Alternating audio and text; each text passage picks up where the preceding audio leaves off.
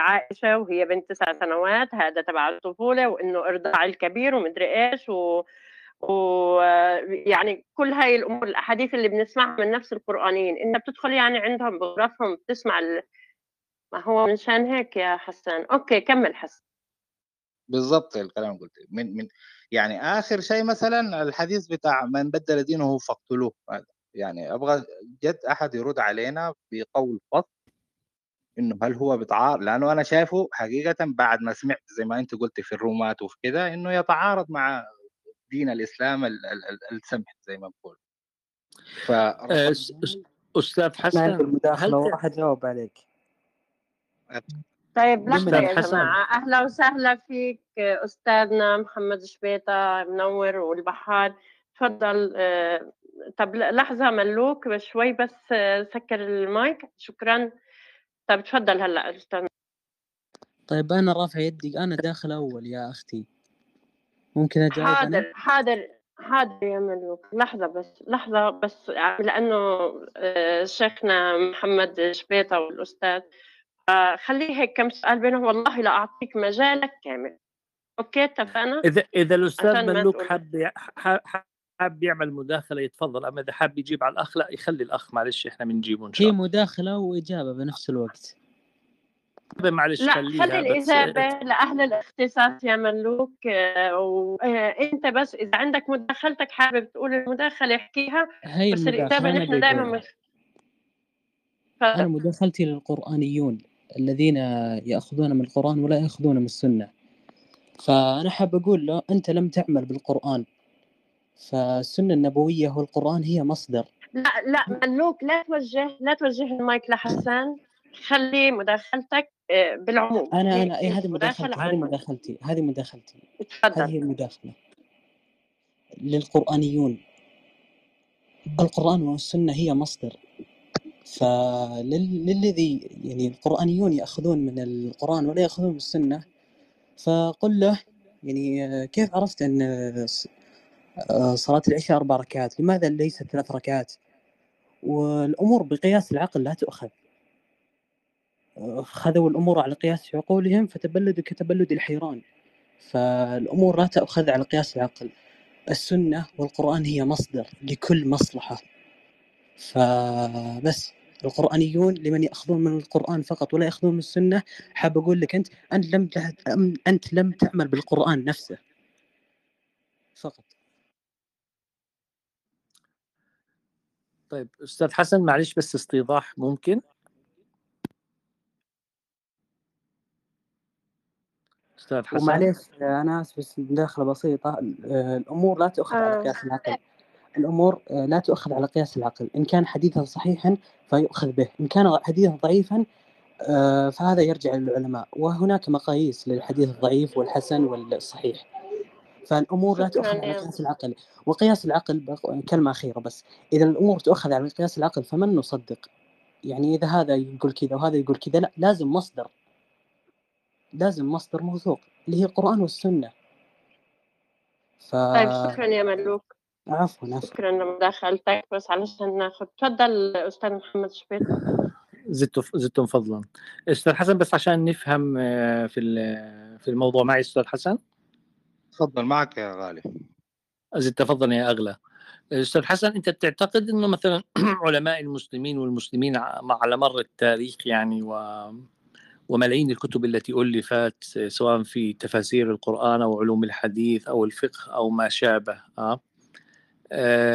كانوا آه، غير إنسانيين وكانوا عقولهم معطلة وهيك مجمعين على على لا إنسانية ومجمعين على تعطيل العقول ومجمعين على عدم التنقيح وهم علماء يعني هكذا علماء بسط أي كلام آه، حتى إحنا نيجي في زمن اللي هو اللغة هي أهم عامل للفهم آه، نأتي قبل فقط كم سنة ظهرت فرقة معينة آه، تدعي ادعاء أول شيء بدأت بادعاء معين وهذا الادعاء فرخ كثير من من شراذم الفكر بأنه هناك أحاديث تتعارض مع القرآن أو قد تتعارض مع القرآن وهذا كله مشى عليهم و ولم يكن عندهم قواعد لذلك. هل هيك تخيلك عن عن آلاف أو عشرات آلاف العلماء السابقين؟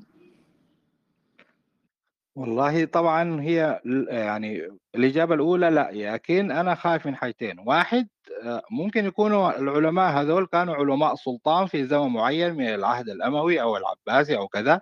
الحاجة الثانية أنا عاوز أطلع من بعدين لما أقف قدام الله يعني ما في واحد من ديل حيغنني من الله شيئا. فأنا ما ما عاوز أقول بعدين والله هذا ما وجدنا عليه آباؤنا. أنا أنا أنا حاسة قاعد أبحث حقيقة في الشهرين هذول عشان أصل إلى الحقيقة عشان أكون أقل شيء أنا اجتهدت وزي ما بقولوا بعد كده ربنا يتقبل اجتهادي إذا صواب أو خطا لكن آه لو لو رحت لو رحت يا أستاذ حسن إلى ثلاث أطباء رحت لطبيب والدتك الله يحفظ لك إياها إذا أنها موجودة والله يرحمها إذا أنها غير موجودة لو ان والدتك موجودة مثلا الله يرحمها. لو أنه والدتك أو عمتك مثلا موجودة إحدى قريباتك موجودة وأنت مسؤول عنها وأخذتها إلى طبيب وقال لك تحتاج إلى عملية. وأنت أردت زيادة توثق حتى يعني لا تجازف بصحتها وتأكدت من طبيبين أو ثلاثة أو حتى أربعة. والثلاث أطباء أو الأربعة اتفقوا انه يجب أن تعمل عملية آه؟ نعم. هل يجب أن تعملها عملية حتى تكون مثاب أمام الله أم يجب أن لا تعملها عملية وستكون مثاب؟ أيهما ستكون مثاب أمام الله فيه وأيهما ستكون معاقب أمام الله فيه؟ والله المفروض أعمل عملية أكون عملت اللي علي وبعد كده ربنا يشفيها يعني.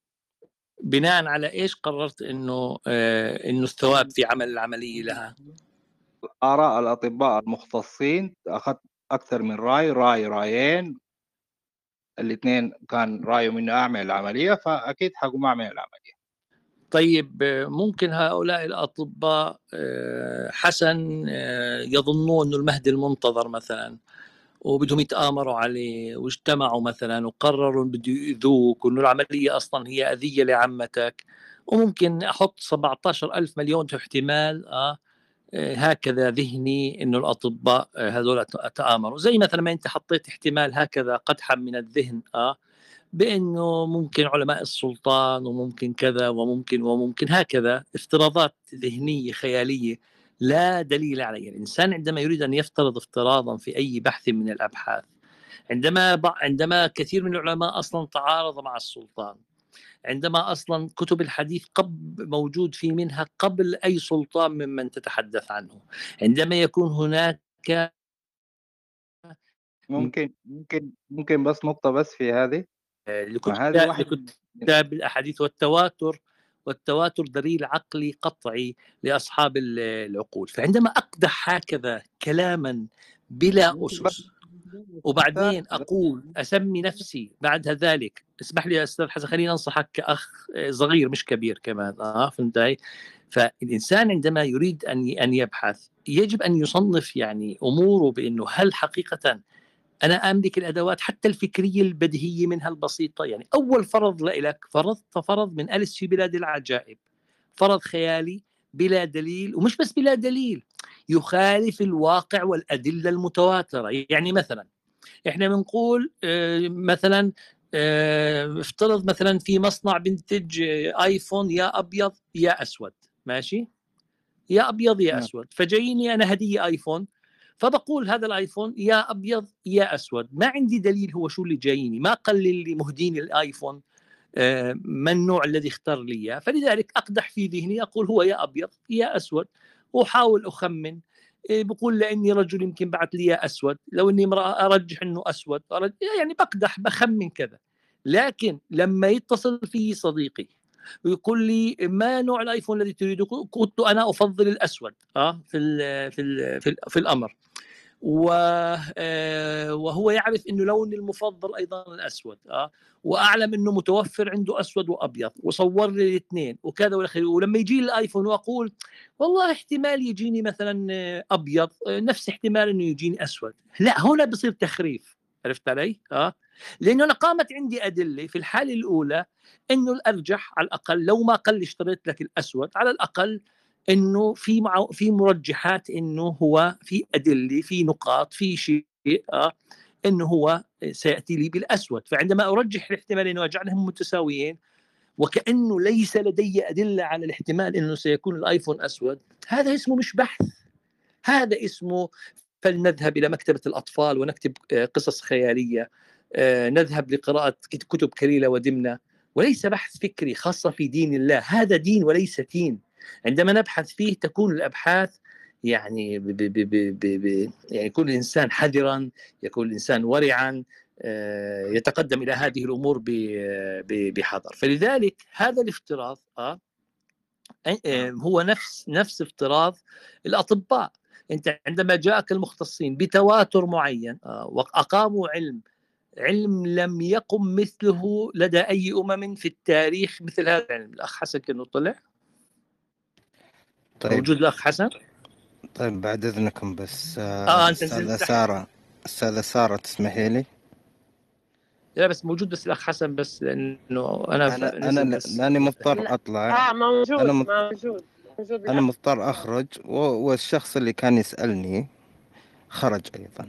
لحظة أنا... سلطان لا تخرج. لا لا هلا بيرجع أنا مضطر. أنا أنا مضطر. أنا مضطر أخرج. أنا كنت أنتظر طول طيلة الفترة طيب أني... ماشي سلطان ماشي. أخرج وارجع بيكون هو كمان رجع. إذا إن شاء الله. وهي إحنا قاعدين. كل الاحترام يا سلطان بنت زين يعطيكم العافية.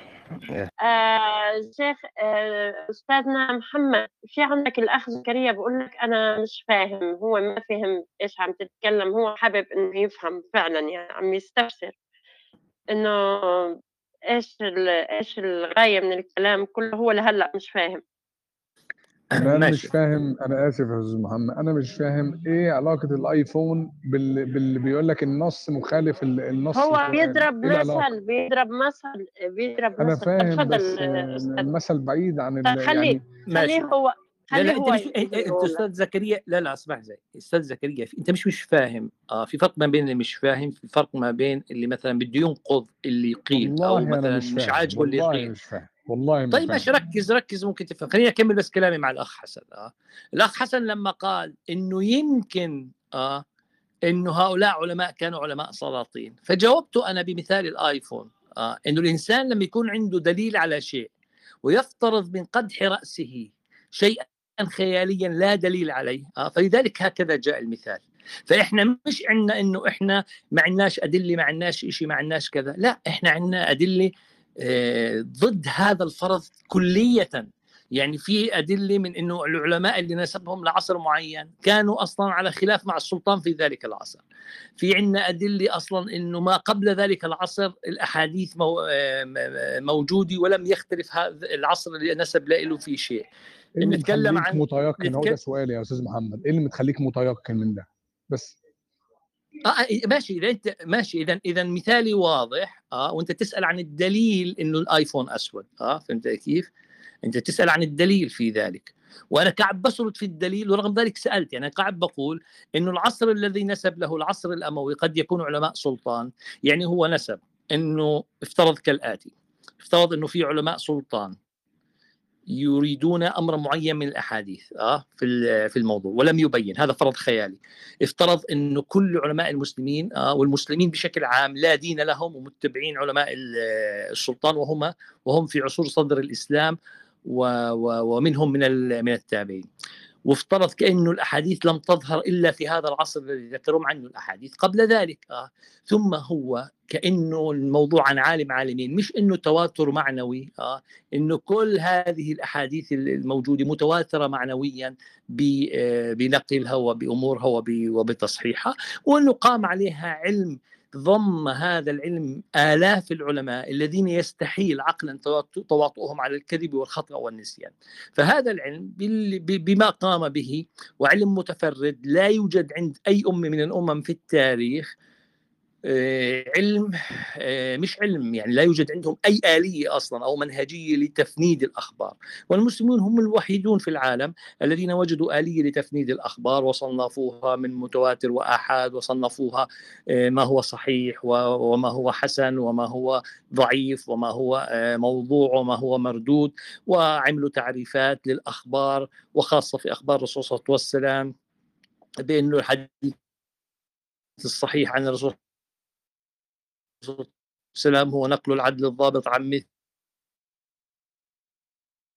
تتعلق بمتن بمتن الحديث إذا كان فيه تعارض مع آه، مع القرآن أو تعارض مع حديث آخر أو ما يسمى مظنات مظنات التعارض. وبالمناسبة مظنات التعارض أيضا تقوم على القرآن الكريم. يعني أصلا في في القرآن الكريم مما صنف علماءنا مظنات التعارض في نفس القرآن. فلو سلمنا بوجود مظنات التعارض في الأحاديث وهي موجودة ما بين الحديث والحديث وما بين الحديث والقرآن وما بين القرآن والقرآن نفسه وهذه اسمها مظنات التعارض. أنا النقطة الآن وصنف بس التف... طريقة التفكير الاستاذ حسن. عندما قال إنه قد يكون آه في الأمر ثم قال إنه الأطباء أهل اختصاص في الموضوع ولكن برغم ذلك يقول إنه هو الذي يبحث وهو ليس أهل اختصاص في الأمر. وبينا له الفرض اللي فرضه بأنه فرض غير صحيح في ال في ال في الأمر. ثم إنه قوله بأنه مثلا شيء يخالف الإنسانية في في الأمر. طب ما هي الإنسانية التي يعني إذا أنا جيت قلت مثلا والله أنا شايف جلد الزاني الغير محصن آه كما قال القرآن في سورة النور آه, آه فاجد كل كل كل كل واحد منهما 100 جلدة شو جلد ويشهد عذابهم؟ شو جلد ما بين الناس ويشهد عذابهم؟ طافته من الناس. يعني مش هذا إشي غير إنساني يا أخي. يا أخي تجلد واحد يعني أمام العامة آه يعني شو الفائدة من هذا الكلام؟ والله أنا شايف هذا غير إنساني آه. وخذ عاد مؤلفات في غير الإنسانية على أحكام القرآن والتألي على الله آه قبل أي أحكام أخرى قبل أحكام سنة ولا ولا غيرها من من الأمور. لذلك الإنسان عندما يقول قولا في الدين فليحذر على دينه. وهذا دين وليس وليس دين. أنا عندي سؤال بنفس المكان لو تسمح لي يا دكتور محمد. بس لو يكمل الأستاذ حسن نشوف بس وجهة نظره فيما قيل إذا عنده أي شيء كذا وأنا حاضر. أستفيد ولا عاوزني بس أسمع وأنزل وأروح؟ أمشي أفتش لا لا بدك تستفيد.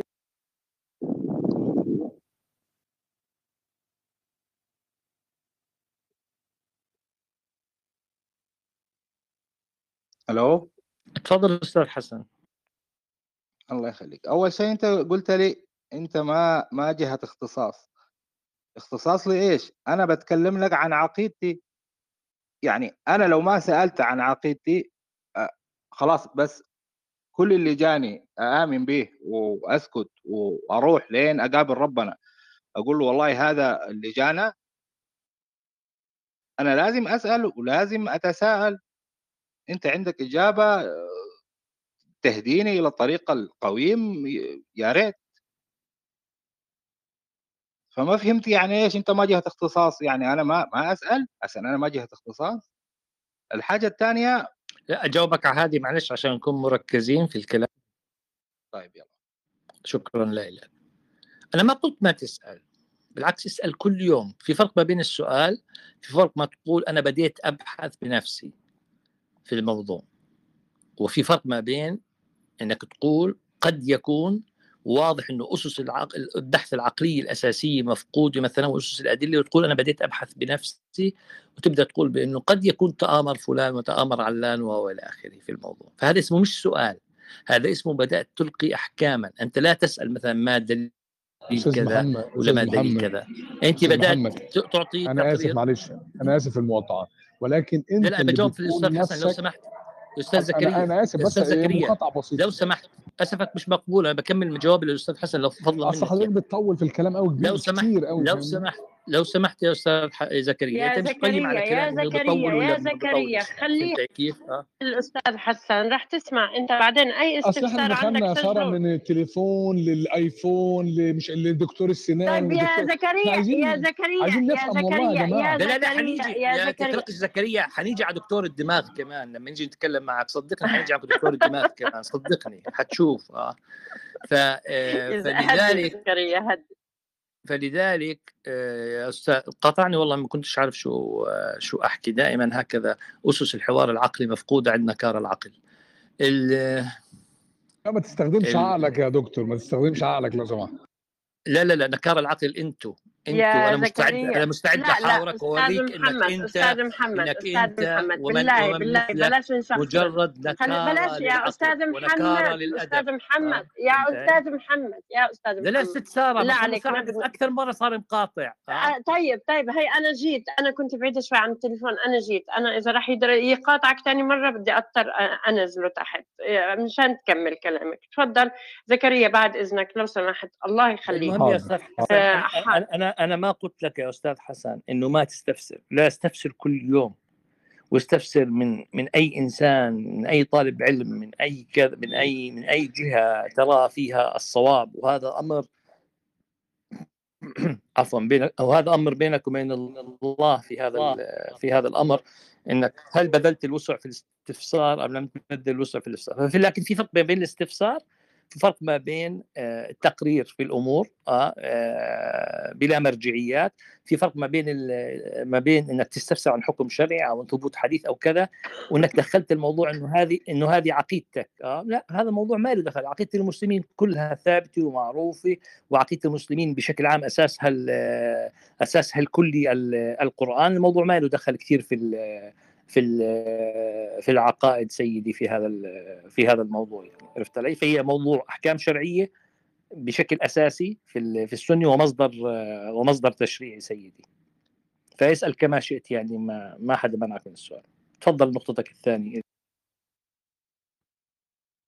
طيب شكرا لك. آه، نقطتي الثانية آه، قلت لك في مثلا مثلا في الأحاديث في الحديث بتاع من بدل دينه فاقتلوه أنا لما سمعت الكلام هذا ورجعت للقرآن الكريم إنه آه، كل زول زي ما بيقولوا حر في دينه لكم دينكم ولي دين وإنه ما أرسلناك إلا آه، منذر ومبشر للناس وما عليك إلا البلاغ. فحسيت إنه حقيقة بيتعارض مع مع مع القرآن الكريم في الحتة هذه. الحاجة الثانية من بدل دينه فاقتلوه منهم يقتلوه. هل هل الحاكم واللي يقتل ولا مثلا زي ناس داعش آه، سمعوا الكلام هذا شافوا أي أحد مسكوه قتلوه ولا هل أنا أقدر أعرف شخص معين بدل دينه وهرب أروح له في الحتة اللي هو فيها واقتله وكذا أكون حققت كلام الله فيه ومفروض أؤجر على ذلك ولا فهمت قصدي كيف؟ هذا موضوع غامض أستاذ حسن. فجأة ظهر وما حدش كان عارف عنه وانت اكتشفت الحديث واكتشفت الآيات. وما بعد ما بحثت في سبعين كتاب فقهي آه لم تجده مذكورا في ولا كتاب أو لقيت له هيك شوية حاشي في إحدى الكتب. و... ففي ذلك أنت الآن عندك حيرة لأنه هاي نتاج بحثك صح؟ لا أنا من زمان من أنا صغير درسوني في المدرسة إنه ال ال ال ال المرتد عن الدين الإسلامي يستتاب ثلاثة أيام وإن لم يرجع يقتل. وكنت مؤمن وحافظ الكلام هذا وامتحنوني فيه وواجبت الإجابة هذه وأعطوني درجة كاملة في الامتحان. ولين الحين وصلت عمري 40 سنة. ف بديت أسمع في الكلام هذا. حسيته لا لما يعني نفس الحجة يعني العلماء اللي كانوا يقولوا آه، استتابة وكذا والكافر المحارب التفصيل وأحكام المرتد وكتب الفقه مملوءة في هذا الموضوع وحتى خلافاتهم في هذا الموضوع وإنه وإنه المرتد المقصود مثلا المحارب بعض لا مطلق المرتد والاستتابه ثلاث أيام والبعض عنده الاستتابه الدهر والبعض عنده أو الجمهور عنده إنه المرأة إذا ارتدت لا تقتل وهذه الأبحاث كلها في هذا الموضوع والموضوع اللي هو ما يسمى بحماية المبدأ زي ما هو في جميع مبادئ العالم حتى الوضعية ما يسمى بأسس حماية المبدأ كل هذول الفقهاء لما كانوا يؤلفوا هذه المؤلفات اللي هي بالمئات أو بالآلاف كانت كلهم غايبه عنهم آية آه، ومن شاء فليؤمن ومن شاء فليكفر. صح؟ طيب يعني عشان كده أنا بسألك عاوزك توضح لي أنا تفهمني أنا. لا ما هو أنت أنت عارف أنت عارف أنا هدفي الأساسي يا أستاذ حسن آه أوكي أنا حاضر بوضح وبنحكي وكذا وإلى آخره.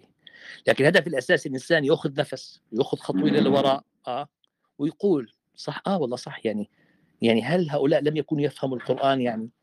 ولا إحنا ماخذين ديننا عن الناس كلهم آه، بألفوا دين على كيفهم وبفسروا على كيفهم وأجمعوا على معاني معينة على كيفهم وما إلى ذلك. طب ما كل المفسرين قرأوا ومن شاء فليؤمن ومن شاء فليكفر قد تبين الرشد من الغي. كل المفسرين فسروا هذه الآية. مئات بل آلاف التفاسير. طيب وعشرات آلاف إذا مش ملايين كتب الفقه التي تطرقت لهذه الآية وتطرقت لهذا لهذا الحكم في في الموضوع. لا يوجد شوف أستاذ حسن لا يوجد على مر التاريخ الإسلامي حد قال إنه هذا الحديث والفكرة الحكم لا يؤخذ من حديث واحد يعني. الفقهاء ينظروا بمجموع النصوص بمجموع الأدلة في في الأمر. وساقول لك يعني آه، يعني بس بباب الفائدة مع إنه هو مش أساس البحث هذا. أساس البحث ما اللي زي ما بسموه الخواجات الأبروتش الطريقة اللي أنت يعني تعاملت فيها مع الموضوع إنك ألغيت عقول السابقين اللي إحنا أصلا تلقينا عنهم اللغة وتلقينا عنهم العلوم وتلقينا عنهم الدين ألغيتهم لا يوجد أحد فيهم قال إنه هذه الآية تتعارض مع هذا الحديث ولا واحد فهم هذا الفهم نهائي مع العلم إنه زي ما قلت أنا في شيء اسمه مظنات التعارض أه؟ لم يقل نعم. أحد إنه حتى هذه من مظنات التعارض في في الموضوع. على جميع الأحوال حكم المرتد آه أنا اللي بيرجح عندي وأرى راجح عند يعني كثير من الفقهاء بحكم الواقع للمسألة. كيف يعني بحكم الواقع المسألة. أن المرتد أصلا لا يعلم آه يعني آه، لا يعلم إلا إن جهر إلا إن كان محاربا. الدولة الإسلامية ولا تجسسوا ولا يغتب بعضكم بعضا. التجسس يعلم مرتد آه، إلا إن جاهر. ومن جاهر بالحريات والديمقراطيات وما شابه. وأنا أعطيك مليون مثال على قيامها بعمليات سرية لقتل الناس لأنهم شكوا إنهم قد يخالفوا مذهبهم. آه بلا استتابة بلا تحقق بلا شيء مجرد شك خفي آه في في الأمور. وراجع عمليات الاغتيال للشيوعيين والاشتراكيين في الستينات والسبعينات من قبل السي اي اي لمواطنين أمريكيين في لمواطنين أمريكان في أمريكا نفسها والقصص كثيرة في هذا الموضوع، ليس بحثنا فقط حتى أقرب للواقع، فلذلك الإسلام جعل من يحارب المبدأ آه وعنده مركزية في هذا المبدأ وفي, وفي حماية المبدأ وهو موجود عند كل أمة حماية المبدأ فجعل مركزية أن من يحارب هذا المبدأ ويجاهر لأن المرتد لا يعرف إلا إن جاهر جعل عليه حكما ولكن جعل هذا الحكم بيد المتهم. كيف يعني بيد المتهم؟ أنا أقدر أقول آه إنه والله يا عمي أنا استتبت وخلصت وما ما عنديش أي مشكلة. بعد ما جاهرت وأعلنت الحرب على المسلمين وكذا وعلى مبدأهم وبعدها أغادر دولة الإسلام وأقول ما شئت. يعني يعني أقيل التابعية أو ألغي التابعية لدولة الإسلام وأقول ما شئت. آه. ثم في التاريخ الإسلامي لو نظرت كم مرة أصلا هذا الحكم طبق؟ يعني ما ندر الندر يعني في هذا ال في هذا ال في هذا الأمر لأنه الدولة كانت دائما قوية وقوية المبدأ وحتى في كتب ألفت وصفوها علماء مسلمين مشهورين بأنها كتب زندقة وكتب كفر ولم يتعرض أحد لأصحابها بل ظلوا يؤلفوا ويردوا على الفقهاء وهم متهمون بالزندقة. فلذلك من قبل ما يصور عليك تصوير هوليودي عن حكم المرتد وكذا حاول تفهم الواقع حاول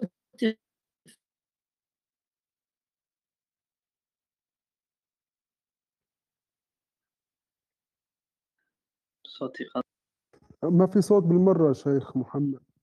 آه. طيب طيب. ما في أو كذا أو يحكم عليها الحاكم. هذا هو الفكرة في المسألة يا أستاذ حسن. أما من شاء فليؤمن من شاء فكل الإسلام لا يجبر احدا على الإيمان به. الارتداد شيء آه، وأنك تؤمن ابتداء بشيء هذا أمر آخر. فلا تعارض ما بين الآية والحديث في هذا في هذا الموضوع. شكرا شكرا. تسمح لي سؤال للشيخ محمد؟ لحظة لحظة يا جماعة. لحظة. يتمم جواب الشيخ لحظة. محمد إذا تأذنوا الله يحفظك. آه تفضل. آه تفضل شيخنا فارس. تفضل شيخ فارس العجمي تفضل. ما في دور يا سارة؟ لا آه، هذا اكمال يا أخوان يا أخوان ختمنا لماذا ختمنا لماذا يا سنفور سنفور سنفور لو لا سمحت لو سمحت سكروا لي المايكات ما في واحد يجي من الأخير هلا السلام عليكم. آه لو سمحتوا لو موسى لو سمحتوا لو سمحت تفضل فقط تتميم للفكرة. شكرا لك يا أستاذ سارة والسلام عليكم. هو فقط تتميم لفكرة الشيخ محمد. و... حياك الله. لكي لا الله يحفظكم ابو طارق لكي لا يذهب الموضوع فقط. قول الله تعالى آه، فمن شاء فليؤمن ومن شاء فليكفر. هذه الآية ليست على وجهها. كثير من عفوا لا أقول ليست على وجهها ليس على ما يفهم الإخوة الذين يستدلون بهذه الآية. يفهمون من هذه الآية أن الله تعالى يخير بين الإيمان والكفر. الله لا يخير في هذه الآية بين الإيمان والكفر. هذه الآية تهديد. اقرأوا سياق الآية. سياق الآية واضح جدا أنه تهديد. يعني آه، الله سبحانه وتعالى ماذا يقول؟ يقول وقل الحق من ربكم يعني هذا الذي جئت به الحق. لا جدال لا جدال فيه ولا مراء. فمن شاء فليؤمن ومن شاء فليكفر إنا أعتدنا للظالمين نارا. هذا مثل إذا قلت للطلاب في المدرسة هذا هو الواجب أعطيتكم إياه. من شاء أن يحل فليحل من شاء أن لا يحل لا يحل. ما معنى هذا الكلام؟ هذا تهديد. أن من, من لم يحل فها هنا عقوبة تنتظره وتهديد ينتظره هذه عبارة وعيد عبارة تهديد. ليست عبارة آه، آه، إخبار بقانون دستوري أن ها هنا آه، عندنا أحد الخيارين يمكن أن تختار منها ما تشاء. وليست هي منيو طعام أعطيك خيارات تختار منها ما تشاء. ليس كذلك. الله تعالى لا يخيرك هنا. الله لا يخير البشر هنا بل يهددهم. أن البينات جاءت والحق جاء. فمن شاء فليؤمن ومن شاء فليكفر. إنا أعتدنا للظالمين نارا حاط بهم سرادقها وإن يستغيثوا يغاثوا بماء كالمهل يشوي الوجوه بئس الشراب وساءت مرتفقا. فقد أحببت الإشارة إلى الغلط الشائع في فهم هذه الآية. شكرا لكم. أحسنت أحسنت. شكرا شكرا الأخ فارس. دكتور لقمان تفضل. أو الأخ لقمان. أستاذ لقمان. نعم نعم. السلام عليكم. وعليكم السلام ورحمة الله وبركاته. آه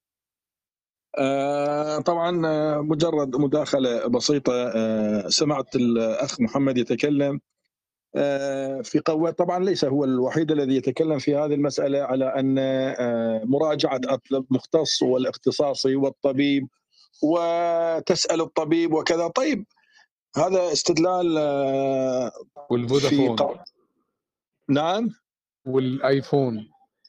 لا لا أنا قضية الطبيب أكثر أكثر ما أسمعها هي قضية الطبيب هاي الآيفون جديدة. آه، طيب آه، في علوم تجريبية مع علوم دينية. طيب أخي عندما تريد أن تقارن مراجعة المختص في قضية الطب طيب عليك أن تعرف بأن الطب تغير منذ 1400 سنة إلى يومنا هذا. تغير وتغيرت العلوم وكانت نظريات وحذفت وجاءت آه، نظريات جديدة وعلوم أخرى يعني جديدة. وكل سنة كل سنة يتجدد الطب. يضاف إليه شيء يحذف منه شيء آه، يتغير منه كثير. هو ليس ثابت. طيب لماذا لا تستندون إلى تغيير العلم أيضا؟ والاطباء لم يقولوا والله لأن آه، سلفنا أبو علي سيناء وغير الأطباء هؤلاء آه، قالوا فلان فنحن يجب أن نبقى كذلك. لا يا ما قالوا. لهم احترامهم ولهم مكانتهم بين العلماء في الجامعات ولهم اسمهم ولهم بصماتهم في التاريخ كلهم. لكن آه، كلامهم مو حجة. كان في وقتهم. أعطوا كانوا أطباء في وقتهم وفعلوا ما فعلوا وجزاهم الله ألف خير وراحوا. طيب لماذا نحن يجب نتمسك بما قاله آه، ابن كثير بما قاله السيوطي رحمهم الله جميعا علماء. قالوا في وقتهم هذا كان استنباطهم عقليتهم في ذلك الوقت قبل 1400 سنة قبل 1000 سنة قبل 700 سنة هاي عقليتهم. هذه الظروف التي كانوا يعيشونها هذه الحكومة التي كانت يعيشونها بهالطريقه كانوا يعيشون وهذا استدلالاتهم كانت. طيب لماذا نتمسك بما قاله السلف؟ جزاهم الله ألف خير. كتبهم موجودة لهم بصماتهم لهم مكانتهم لهم احترامهم لا أحد ينتقص منهم. لماذا تتصورون إذا لم نأخذ بما قاله السلف؟ يعني صار سوء احترام ولهم وانتقاص منهم؟ لا أبدا لا أبدا. لا هل هل يعقل بأن السلف لم ينتبه إليهم؟ لا لم ينتبه. لم ينتبهوا. كانت الظروف غير مؤاتية. كانت الظروف بطريقة أخرى كانوا يرون العالم بطريقة أخرى كانت العلوم طريقه أخرى. كل كل شيء متغير. كل شيء كان متغير لم يوجد ما لدينا اليوم نحن. لم تكن متطلباتهم كما متطلباتنا هذا اليوم. لم يكن عشر عشر معشار ما نحتاجه اليوم متطلباتنا. طيب لماذا يجب أن يكون كلامهم حجة؟ الآن قدسية قدسية السلف. تجاوزت قدسية رسول الله نفسه. يعني ما قاله السلف وما أجمع عليه السلف هذا هو عصمة صار بعصمه لا, لا, لا يمكن لا تفرض لا تفرض الله يخليك. أستاذ محمد أستاذ أستاذ محمد أستاذ محمد دعوة يكمل تفضل أستاذ لقمان. لا يمكن بأنهم أخطأوا في ذلك لا يا اخ أكو خطأ. الإجماع موجود في كل المذاهب في كل الأديان يوجد إجماع. اخطاوا اخطاوا طيب نعم يوجد ما قالوه ممكن يكون صحيح ربما أمور لكن لا ليس حجة ليس حجة. من حقي أذهب وأبحث. الله كلام الله يخاطبني أنا أنا لم يخاطب ابن كثير. الله يخاطبني أنا الآن يا أيها الذين آمنوا. أنا من الذين آمنوا. أنت من الذين آمنوا. الله حي أنا حي يخاطبني أنا. طيب من حقي أن أفهم؟ ومن حق كان أبو ابن كثير يفهم ومن حق الطبري يفهم ومن حق البخاري يفهم من حقهم. وفهموا وكتبوا. ومن حقي أنا أيضا أفهم ولست ملزما. أفهم كما فهمه الأخ محمد يقول من حقك أن تسأل، نعم من حقي أن أسأل لكن النتيجة يجب أن تصل إلى ما أصلت أنا له أنا. لا لا لا يحق لك أن تصل إلى نتيجة تخالف ما وصل إليه السلف، لا من حق ان اصل واناقش وربما يكون على خطأ ربما يكون على خطا هذه هذه العصمة هذه القدسية غير صحيحة، هذه القدسية آه، تعطي تغلق العقل، تغلق التفكير، تغلق البحث، اذهب وابحث واكتب الكتاب لكن لا تخالف العلماء. لا هذا مو بحث خلاص copy paste صار. من هنا اكتب كما كتبوا أكتبوا بعض بعض التغييرات وبعض الكلمات الكذا لكن تبقى النتيجة نفس النتيجة. هذا هذا صار إجبار. عليك أن تفهم كما فهم وأنت ضال مضل كافر خارج عن الدين خارج. هذا حكم أحكام. أنتم أنتم من وضعتم بأن ما قاله السلف صحيح. أنتم تقولون. الله لم يقل ذلك. الله الله يقول بالعكس الله يقول يذم يذم من قالوا من وجدنا عليه آباءنا. يذمهم. يذمهم. اذهب وابحث وتصل إلى نتيجه وصلت إلى نتيجة بدليلك أنت حتى وإن كان مخالفا خلاص. هذا استدلالك وهذه أدلتك. ابحث عن بقية الأدلة. اسأل من ك... الذين يستمعون القول فيتبعون أحسنه. اسأل وابحث عن الأدلة واجمع الأدلة. من كان دليله أقرب إلى الواقع تراه أنت أقرب إلى الواقع وأقرب الحق اتبعه يا أخي اتبعه. يبقى مقام ومكانة العلماء السلف الذي سبقونا في محله وفي مكانه ولهم كل الاحترام ولكم كل ولهم كل الشكر ولكم أيضا أنتم كل الشكر والتقدير. طيب شكرا لك آه، آه، أستاذنا لقمان. ممكن إضافة بعد إذنك بس آه. أنا أنا مكملا لدكتور لقمان. أنا بقول إحنا دلوقتي كتب السلف. زي ما ما قلت الطبيب زمان إحنا مشينا على كان في طبيب زمان جاي بافكار معينة بدأ التطور إحنا وصلنا دلوقتي لعصر تطور الطب تطور زي ما دكتور لقمان قال. أنا بتساءل دلوقتي الكتب الكتب التراث أو كتب أو كتاب التراث نفسهم طبعا دولت على دماغنا. أنا إحنا ما بنقولش إن إحنا نرميهم. لا إحنا نكمل عليهم بس نبحث. لأن إيش دراك حد حد يديني يقين 100% إن كتب التراث نفسها ما دخلش فيها إيد حاقد ولا ولا واحد عايز ياخد الدين لمنحنى آخر.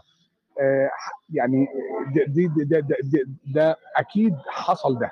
تمام؟ عندنا آية بتقول لا تسمعوا لهذا القرآن والغوا فيه. أيقنوا مية بالمية هم تيقنوا مية بالمية إن القرآن مش هيدخل فيه حرف. أنتوا بقى السؤال ليكوا دلوقتي هل حد يقدر يقول لي إن كتب التراث لم يدخل فيها يد بشر؟ ده حد يقول لي. ولو دخل هل إحنا كده غلط إن إحنا نقول يا جماعة لا إحنا خايفين من من الرواية دي قلقانين من الرواية دي. يعني ملناش حق دلوقتي. يعني بعد ما دخل ال ال ال ال ال ال التحريف في كتب التراث مش عايزنا كمان نقول لا استنى أنا أنا قلقان. بس. أستاذ أستاذ أستاذ لقمان والأستاذ أستاذ زكريا. لم يقل يعني تعليق بسيط بسرعة بإذن الله تعالى لا نطيل فيه. لم يقل أي أحد من العلماء أن باب الاجتهاد مقفل. واضح. ولا نقول إعادة النظر في بعض المسائل الفقهية. ولكن مع الثبات على أصول وعلى مصادر التشريع الأولى القرآن الكريم والسنة النبوية على رأسها. واضح. والإجماع والقياس. ولو انه بعض مصادر أخرى مختلف عليها. صار دوري لو طيب، سمحتوا خلينا نكمل خلينا نكمل عثمان وبعدين التعليق كامل. سجل النقاط عثمان سجلوا النقاط وبتجاوبوهم كاملين. عشان ما يكون الموضوع موجه لحد هيك راح يصير كثير يعني. أنا في الوجه الآخر شيخ محمد سوف أرد لو تسمح لي يعني. طيب لا ممكن يا جماعة طيب شو رأيكم شو رأيكم؟ أنا راح أجمع النقاط أنا معي قلم ودفتر وراح أسأل سؤال سؤال ويكون الرد ويكون هلأ كل واحد راح يحكي فكرته يعطيني سؤال. راح أجمع الأسئلة وأخلي أصحاب الاختصاص يجاوبوكم عليها. إيش رأيكم يا جماعة؟ مش هيك أفضل لكم؟ بعد دوري إذا بدك لأنه أنا عندي سؤال للقمان وزكريا وراح وخالصة يعني شهاده لا ما هو ما بدي هلأ سؤال لقمان وزكريا انت ما هلا مو أنا هلأ بدي عنوان التوبيك وأجمع دور... الأسئلة وبعدين بصير يعني دوري وعندي تعقيب. ما هو عندك تعقيب هيك رح نفوت ورح نطول لأنه مليان ناس بدها تطلع وأنا عم موقف ناس وفهمتني؟ طب تفضل بس حاول إنه تختصر بقدر المستطاع لو سمحت. رح أختصر. هلأ بالنسبة للذي قاله لقمان وزكريا وساءوا مسألة الطبيب يعني أنكروا على شيخنا فيها مسألة الطبيب. فأنت تقول أن الطب تطور بداية. نحن لا ننكر أن الطب تطور لكن لما تطور الطب ما نسف أصول الأطباء القدماء بل أخذ على ما كانت قواعدهم ومشى عليها وطورها. ده اللي أنا قلته أبو موسى والله. هي هي واحد. المسألة الأخرى اليوم لما تأتي أنت لتعطل عندنا شيئا وهو السنة الشريفة فأنت هنا أنقصت من القواعد. الذي أريد أن أقوله. حدش عطل زكريا انتظر زكريا زكريا انتظر زكريا انتظر. أيوه بس هو بيتكلم غلط بيقول كلام غلط okay على لسان okay okay زكريا okay زكريا. الذي أريد أن أقوله الذي أريد قوله هي المس مسألة القرآن الكريم. ف ومسألة الأثر أو التراثيين. أننا وجدناهم أنهم على خطأ ونحن آه، من على صواب مثلا أو نستشكل عليهم. ثم بعضهم يعني قد يورد لك شبه كثيرة منها منها المتداولة والمعروفة. مسألة المرتد وقتل المرتد. أنا بدي أسأل سؤال يا جماعة الخير. المرتد هو عدو لله يعني ترك دين الله وارتد على الله وسخط على الله. فهل يكون حبيبك تدافع عنه وتهاجمنا؟ هاي المسألة الأولى. لابد أن تكون في محلها. ثم هذا الفكر الذي طلع علينا اليوم.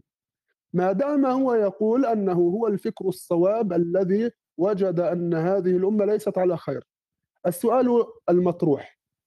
هذا هل عندهم منهج هؤلاء القوم؟ يعني ذهبوا إلى مذهب. هل هم على قول واحد على قلب رجل واحد حيث أنني أرى في المسألة الواحد ألف كلام لأنهم هم عندهم أن هذا القرآن كل واحد منهم يأخذ به ويفهم ما يفهمه. طيب معناه إذا كل واحد أخذ هذا القرآن الكريم وفهم ما فهمه بالتالي الآراء سوف تختلف.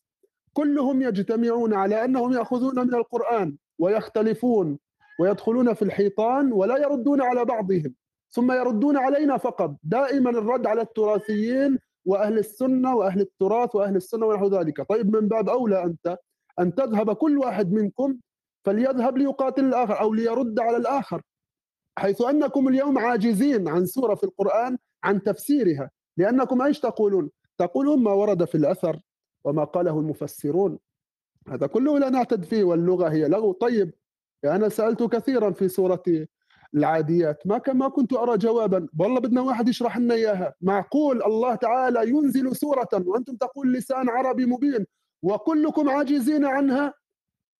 حيث نحن نحن السلف فسروها لنا لكن أنتم لا تقبلون بتفسيرهم. الآن نريد منكم فسروها. أم تقولون أن الله تعالى أنزل طلاسما تناقضون أنفسكم؟ والعاديات ضبحا فالموريات قدحا فالمغيرات صبحا أبو موسى أبو موسى ممكن نختصر عشان أمشي دور اختصرت اختصرت اللي بدي أقوله أن هذا راح أختصر خلصت. اللي بدي أقوله أن هذا المنهج في أصله ليس منهجا. منهجهم ليس بمنهج. ما رأينا قواعد أساسية في المسألة الواحدة. هبد. يعني يأتي واحد يقول لك أتدبر. آه وكل واحد بيطلع الدين. منهم من أنكر الصلاة. منهم من قال بثلاث صلوات. منهم من قال بالصلوات كلها منهم إلى من قال ببعض السنة منهم من قال نترك السنة كلها منهم من قال لا يجوز منهم من قال يجوز. وكلام كله الأولى أنت الأولى الأولى نعم أنا على الأولى أن يكون الشخص هذا الذي يتكلم أن يحارب أخاه هذا الجديد صاحب الدين الجديد. لا يأتي ليحاربنا حيث أننا متسقين مع قاعدتنا. كلنا نحن نتكلم بلسان رجل واحد. يوجد خلافات معتبرة بيننا. لكن إن كنت صادقا مع نفسك اذهب اذهب وتكلم مع إخوانك هؤلاء وخالفهم. هذا ما عندي. ممكن مداخلة سريعة؟ مين اللي بده مداخلة؟ جهاد. لا جهاد. لا معلش نمشي الدور أحسن. نمشي الدور. لا لا بدي أمشي الدور بدي أمشي آه، الدور لا يا ريت. جهاد سكر المايك سكر المايك بعد إذنك. طيب آه، محمد كمال تفضل أخي. طيب شكرا جزيلا. السلام عليكم. وعليكم السلام. ورحمة الله. واضح. طيب شوف آه، أنت هلا بس تخلص مداخلتك. عندك سؤال. أعطيني إياه علشان نطرحه بعدين لاهل الاختصاص ويكون في اجابه وتسمعوا أوكي؟ ماشي أنا عندي. مداخلة ويا ريت بس كنت أتمنى حدا يرد علينا يا سارة. مو هلأ مو هلأ يا أبو موسى بدي مشي الدور في ناس كتير يعني إذا بدي هلأ أنت بدي أستنى يرد عليك ما حدا رح ياخذ دوره. بعد إذنك أبو موسى حاضر. تفضل أخ محمد. شكرا. طيب أنا أنا صراحة آه، زي ما قال الأخ حسن في الأول أنا أنا عندي تحفظ على كثير من الأحاديث الموجودة الآن في البخاري ومسلم. آه، صراحة يعني عشان أكون عادل أنا لما سمعت الأحاديث دي آه، يعني استنكرتها. وقلت يا أخي يمكن أنا مش فاهم. فمشيت عرضتها على بعض الأصدقاء. وكل واحد أنا بعرض عليه الاحاديث دي بيقول لا مش ممكن تكون موجودة في الدين أصلا. يعني كلام زي كده كلام زي كده موضوع.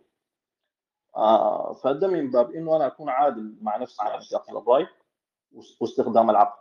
كويس؟ لو سمحتوا ما في حد يقاطعني. آه الحاجة الثانية أنا دائما بفكر فيها نحن لما نتكلم عن عن البخاري ومسلم والتقديس ال- اللي بيتم لهم وباعتبار إنهم هم شخصيات معصومة. ما هم بني آدمين زيهم زينا ولا هم صحابة ولا هم أنبياء ولا هم تابعين حتى يعني. المانع إيه إنه الناس تفتش في الأحاديث وتتأكد منها وتتحقق منها. أنا آه، أستاذ محمد في الأول كان بيقول يا أخي إنه في علماء وفي ناس هم بحثوا ودوروا في الموضوع ده. ماشي. ممكن يكون في علماء دوروا بس اللي بيمنع إيش إنه اتاكد منها ثاني هو الآن نحن عندنا مثلا القرآن الكريم. معلش بس ثواني.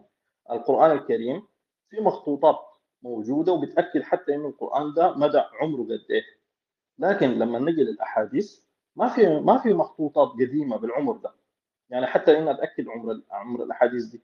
يعني قد يكون الحديث موضوع من 300 400 سنة عادي يعني. يكون ال- الأسماء كلها وهمية.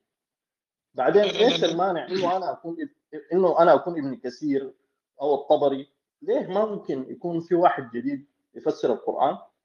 هم حتى حتى يفسروا القرآن عندهم اختلافات. كويس؟ ممكن يجي واحد جديد يفسر القرآن. ما هو اجتهاد يا اخوانا يعني مش المسألة مسألة إنه خلاص يعني دي حاجة حاجة كده بس عندها رسم واحد وانتهى. لازم يكون في تفسير جديد. وشكرا لكم. شكرا لك أخ محمد آه، كمان. طيب سارة آه، معلش معلش ملاحظة بعد إذني. إذا إذا اتفضل بكثر إذا بتكثر هكذا المداخلات و... ما أنا عم بكتب الأسئلة. بس بس أعطيك أعطيك وجهة نظري وأنت قرري يعني أنا بس وجهة نظري. مثلا تفضل. واحد طرح تفضل. واحد طرح خيال آه أنا شايف الثاني. يستمرئ الخيال فيطرح خيالين. وشايف الثالث الآن. يعني أنا عبيت نص صفحة كلها خيالات آه في في في الموضوع. فأنا شايف إنه كل ما زاد الاستمراء آه على طرح اللا فكر آه واللا منهج طيب ممكن الطرح. يكون الجواب طيب السلام عليكم أستاذ ورحمة محمد الله وبركاته. وعليكم الله السلام. أخ أهلا أهلا أخوي مشعل هلا منور سارة كيف حالك؟ بخير إن شاء الله. على رأسي هلا منور. أستاذ طيب محمد تريد استاذنا تريد خيال سابع؟ يعني أنا حاضر ترى توني قاعد من النوم. حاضر ناوي تستدبر يعني. اقتراح في أيوه. اقتراح إذا آه طيب خلينا لو لو سارة سارة في اقتراح. محمد. طب لحظة يا جماعة لحظة يا جماعة. آه مين اللي بيحكي؟ والله العظيم بطلت. بعد اذنكم يا إخواني الكرام. بعد اذنك تفضل شيخنا ساره هو التالي الآن واضح إن على الستيج يوجد طرفين. فإذا حصلت مداخلة من طرف يكون التعليق من الطرف الآخر وهكذا تكون مداولة بين الطرفين أحسن من أنها تتراكم الأشياء ثم بعد ذلك يعني آه نجلس نعلق نعلق فيكون الأمر متعب حتى متعب لنا. ما هو شيخ فارس انت انت ومحمد وعندك الدكتور عثمان هيبقى كذا واحد بيعلق فاحنا عايزين واحد يعلق واحد بس. أنتوا اختاروا واحد من طيب عندي. أستاذ سارة أنا عندي اقتراح عندي اقتراح إذا تقبلونه. تفضل. ممكن. آه الطرف أهل السنة والجماعة مثلا نحن نرشح الأستاذ محمد شبيطة والشيخ فارس. والبقية سنصمت أوكي. بإذن الله. إن شاء الله. وإذا في أي شيء تعقيب ممكن إنه ناخده بالآخر ولا يهمكم. هيك تمام. لو سمحت يا أخت طيب. بس كلمه أخيرة في المداخله حقتي لو سمحت. اتفضل أخ محمد كمان. شكرا. أول حاجة أنا أرفض إنه نحن نوصف بإننا مش تابعين للسنة والجماعة. دي رقم واحد. رقم اثنين أنا بقول للناس طب يا محمد معلش معلش تجاوزها تجاوزها. تجاوزها هذه عشان ما ينفع وما ينفع تقول طب لحظة لحظة لحظة لحظة لحظة أخي أخي محمد أنت بتأخذ بالسنة ولا بتنكرها كاملة؟ لا أنا آخذ بالسنة أنا آخذ بالسنة. كيف بياخذ يعني أنت مش من الجماعة لا ثانية واحدة كيف بياخذ خالد خالد دقيقة دكتور خالد دقيقة. هو خلاص إذا يأخذ بالسنة يعني رجل سني مثلا. الآن اختصاره يعني إحنا رشحنا اثنين. الأستاذ محمد شبيطه والشيخ فارس. الطرف الآخر فليرشح طرفين. ليس لدينا مشكلة عشان الكل يستفيد. لأن إذا أنا تداخلت والبحار تداخل شيخنا البحار. لا أخي مش عن هم أكثر من واحد هون. لا لا في أكثر من واحد هون بدهم يحكوا آرائهم طيب آخر شيء. خليه خليها آخر شيء الآراء هذه. بعد ما ينتهون من التداول الأخوة. أفضل. طيب ما هو كل واحد عم يحكي اللي عنده ولازم يجاوبوه يعني. ما هم كتار ما شاء الله. تفضل أخي محمد كمال أنت حكيت اللي عندك خلي هلأ الأستاذ محمد دكتور. الأستاذ محمد شويطة يجاوب عليك وإذا في تعقيب من عند الأخ من عند الشيخ فارس بس وبنكمل بس معكم. لو سمحتوا تتجاوزوا الألفاظ بتاعت خيال وما خيال. الناس كلها طيب طيب. عندها تتعلم. ابشر يا شيخ كمال طيب ماشي. ابشر يا أخ كمال. طيب تفضل تفضل الشيخ فارس إذا حابب تفضل ولا ممكن أعقب؟ لا لا بعدك أنا بعدك بإذن الله تعالى. تفضل الله يحفظك. تفضل الله يحفظك يا رب الله يرضى عليك. الآن نحاول ما ما نطيل يعني في في الموضوع لأنه تقريبا الكلام يدور حول نفس النقطة في الموضوع وهي نقاط بادعائي وساثبت ذلك إنها نقاط بلا يعني بلا أدلة ومجرد توهمات ذهنية في الذهن إمكانات عقلية هكذا في الذهن تخالف الواقع وتخالف ما هو عليه الدليل. الآن الأستاذ لقمان عندما تحدث وعاد وأزاد في نفس النقطة وظل يعيد ويزيد في نفس النقطة أنه الطب الطب تطور الطب تطور في في الموضوع. كما قال الأخ أبو موسى أنه عندما تطور الطب تطور بناء على أسس موجودة. لكن حتى مثلا عندما نقول مثلا طب العيون تطور لكن بقي طب العيون يدرس عينين للبشر. لم يعد يدرس يعني لم يفترض وجود ثلاث عيون ولا أربع عيون في الموضوع أو يدرس طب عيون وهو لا يوجد عيون مثلا في في الأمر آه فظل الطب يتطور. هناك أسس يتطور عليها الموضوع. اثنين الذي يطور الطب هم الأطباء في الأمر في الأمر في الموضوع. ليس مثلا أن يأتي بمنهج آه يقول في ظل كلام التطور فأنا وكل إنسان كلنا مؤمنون وحقنا أن وحقنا أن أن أن نفهم وأن ننظر وأن كذا. من باب التلويح إنه خلص كل واحد يفهم ما يريد. وإحنا شايفين الواقع لن نكذب على نفسنا. هذه نظرية كل واحد يفهم عما يريد. وجدنا إنسان يعني يجعل الخمر حلال. وجدنا إنسان ليس عنده صلاة. آخر صلاته فقط مجرد كلام. الآخر صلاته إن صلى. كان بها لم يصلي كان بها آخر صلاته فقط صلاتين وهكذا في الموضوع. الآن ما يميز اللغة كلغة أنها شيء متلقى بمعانيه لا يضاف عليه. مفهوم؟ لما أنا أتلقى لما تكون في كلمة شجرة في الأمر الشجرة معناها هذا النبات الذي له جذور وساق وأوراق وأغصان وما إلى ذلك. لن تصبح الشجرة صخرة. يعني لن تتطور المعنى للاشتراك فعندما نقول نتحدث عن نصوص وفهم نصوص نحن نتحدث عن فهم أصوات ذات معاني. هذه المعاني ركزوا يا إخوان الله يخليكم في بديهية عقلية هنا في في الموضوع. هذه المعاني هذه هذه الأصوات لها معاني. هذه المعاني متلقاة. فهمنا ما معنى الشجرة فهمنا ما معنى البشر فهمنا ما معنى الأم فهمنا ما معنى السماء فهمنا ما معنى الصخرة. باستخدامات السابقين الذين نزل لهم القرآن والذين نحن نحلنا اللغة منهم حتى نحن نعد أعاجم بالنسبة لهم في هذه اللغة.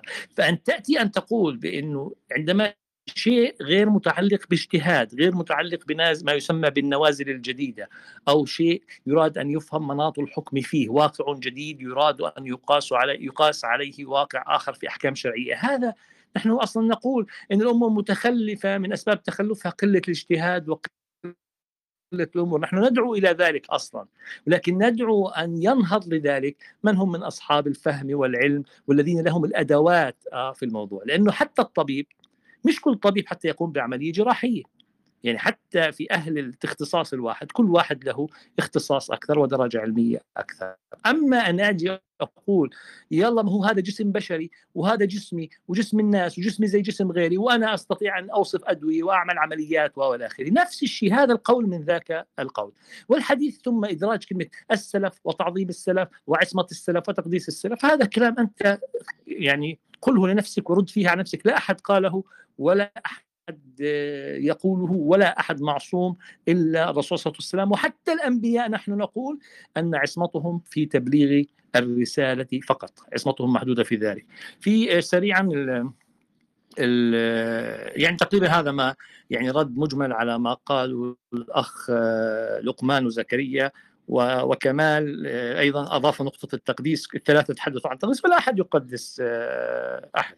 الأستاذ كمال أيضا قال إنه هو كان أيضا مثل الأخ حسن أيضا هو سأل كم واحد قالوا له هاي لا يمكن أن تكون أحاديث عن الرسول صلى الله عليه وسلم فهو تحفظ خلاص. شايفين يا إخوان انتهى هذا هذا هو البحث. سأل كم صديق آه في في موضوع كم حديث في دين الله آه كأنه نسأل عن ما رأيك تشجع برشلونه ولا ريال مدريد آه. والله حال برشلونة لا يسر صديق ولا عدو فأقنعوني إنه لازم أشجع ريال مدريد وانتهى الموضوع. فهمت علي؟ في, في الأمر. هكذا لا أكثر من هكذا تعليق على الموضوع. أنا عندما يكون عندي شيء في دين الله في قضايا مصيرية في أحكام شرعية هل يكتفي؟ أنا والله سألت كم واحد حوالي في الموضوع. هل هذا هو البحث؟ سألت أنت فاقد لعناصر البحث ومن سألتهم يكونوا فاقدين لعناصر البحث. هل هكذا يكون الموضوع بهذه بهذه البساطة؟ وقال أيضا الأستاذ كمال ما المانع عن التفتيش عن الأحاديث وتنقيحها؟ من قال إن هناك مانع. ابدا لا مانع. نحن نقول أصلا علم الحديث من أصعب العلوم التي وجدت على وجه الأرض. وأنا أعني ما أقول. بدليل حتى بس البعض يفكر في هذه القصة أنه أنت قد ترى فلان مجتهد فلان خريج أزهر جيد في مسائل فقهية فلان جيد في مسائل كلامية فلان جيد في العقل لكن كل جامعات بلاد المسلمين. لكن قلما تجد شخصا يبرز في علم الحديث ويقال عنه هذا محدث أو هذا علامة في الحديث أو هذا عنده القدرة على التصحيح والتضعيف. ومن يعلم من كان طويل بعلم في علم الحديث يعلم ما مدى آه، صعوبة هذا العلم. لكن لا أحد يمنع. نحن نقول فقط من يتناول هذا العلم يكون لديه الأدوات. من لغة ودراسة ومعرفة واطلاع على الصحاح والأسانيد واطلاع على أيضا على الأحكام الفقهية وما قالوا العلماء. يعني الأمر بحاجة لاطلاعات شاملة حتى تتخصص. والعلم الحديث بالذات هناك زيادات في هذا الموضوع في حفظ السند وهذا العلم وعلم مصطلح الحديث. هناك زيادة في هذا الأمر يجب أن تكون مطلع عليها حتى تستطيع أن تتخصص في هذا الأمر أو يكون لديك يعني منهج في البحث في هذا الأمر. الآن قال بأن المخطوطات آه، موجود وجدت فالقرآن صحيح و آه، لكن لا توجد مخطوطة في آه، في في كتب الحديث. قد تكون هذه كتب من 300 400 سنة. هنا يعني هنا يظهر جليا يعني لن نجامل في دين الله حقيقة يعني. هنا يظهر جليا أنه لا يوجد من يعني نبذ من هذا الفكر أو نبت من هذا الفكر أو شد من هذا الفكر أو لا فكر ما حقيقة إلا وتجد لا يعلم شيئا في أي شيء. أصبح القرآن يا إخوان ثبت لأن هناك بعض المخطوطات فيه. يعني مخطوطات اكتشفت كم قبل كم سنة مثلا هذه قبل ذلك القرآن لم يكن عليه دليل. أه؟ لا يعلمون هؤلاء اسسا في نقل الخبر ولا يعلمون اسسا في معنى التواتر أو التواتر المعنوي وكيف يكون الخبر صحيحا وكيف يكون الخبر أصلا لا يشك فيه وأن القرآن منقول صدورا قبل أن يكون منقولا سطورا في في في في الموضوع وان مثلا من الشواهد مثلا يعني حتى بس بعض البعض يفهم بعض الأمور إنه مثلا من الشواهد على أن المصحف الإمام موجود هو ذكره في مئات كتب مصحف الإمام بس عشان نعرف مين هو هو المصاحف التي وزعها عثمان بن عفان على الأمصار عندما نسخ الصحف التي جمعت زمن أبي بكر رضي الله عنه. وجدنا ذلك في المصحف الإمام أنهم اطلعوا عليه. وهذا موجود بكثرة في كتب علوم القرآن مما يدل على وجود المصحف الإمام ووجوده كما هي المصاحف التي بين يدينا اليوم. وإن كان المصحف الإمام الآن غائبا يعني يرجح أنه النسخة الفلانية ليس بيقين هي المصحف الإمام أو النسخة العلانية هي المصحف الإمام. لكن الحديث عن المصحف الإمام موجود في آلاف الكتب التي تواترت في ذلك بما يستحيل تواطؤه على الكذب والخطأ والنسيان وهو دليل عقلي جازم في هذه المسألة. عندما مثلا نقول النسخة الأصلية من كتاب صحيح البخاري غير موجودة مثلا يعني لكن وع انه في كلام عن إحدى النسخ أنها قد تكون هي الأصلية لكن مش هذا بحثنا لكن حجم التلاميذ الذين كتبوا عما في الصحيح وشروحات الصحيح من زمن البخاري إلى اليوم والتي هي بآلاف الآلاف مثلا يعني إحدى الكتب الصحاح يعني تدل أن هذا الكتاب كان موجود وصحيح ما موجود بين يدينا بسبب وجود آلاف الكتب. ثم أمر آخر فقط ليتعلم الناس ما معنى توثيق الخبر. من قال أن وجود وثيقة أركيولوجية هذا يثبت صحة نسبة شيء معين لصاحبه أو الحق الذي قيل فيه أو كذا. هذا كلام غير صحيح. هذا كلام لمن لا يعلم شيء عن أي شيء. بل حتى هذا الطرح بعد هذا العمر من بعض الناس أن يدل أنه هذا المجال فليبتعد عنه يبتعد عنه نهائيا هو غير مؤهل في أساسياته ليبحث فيه. وجود وثيقة معينة من زمن معين لا تدل أبدا على أي شيء ولا تدل على صحة شيء. اللهم تدل أن هذه الوثيقة ضمن فترة زمنية معينة قد تصح وقد تكون خطأ لأن البحث الكربوني يخطئ بمسافات كبيرة وبسنوات يعني وبسنوات كثيرة. هذا باقتضاب واختصار و آه، وحيل الموضوع للأستاذ فارس إذا حاب يعقب عليه. شكرا لك. طيب بعد ال... بعد الأستاذ فارس آه، ناخذ البحار عنده تعليق بسيط مداخلة طيب بسيطة بس خلينا نس...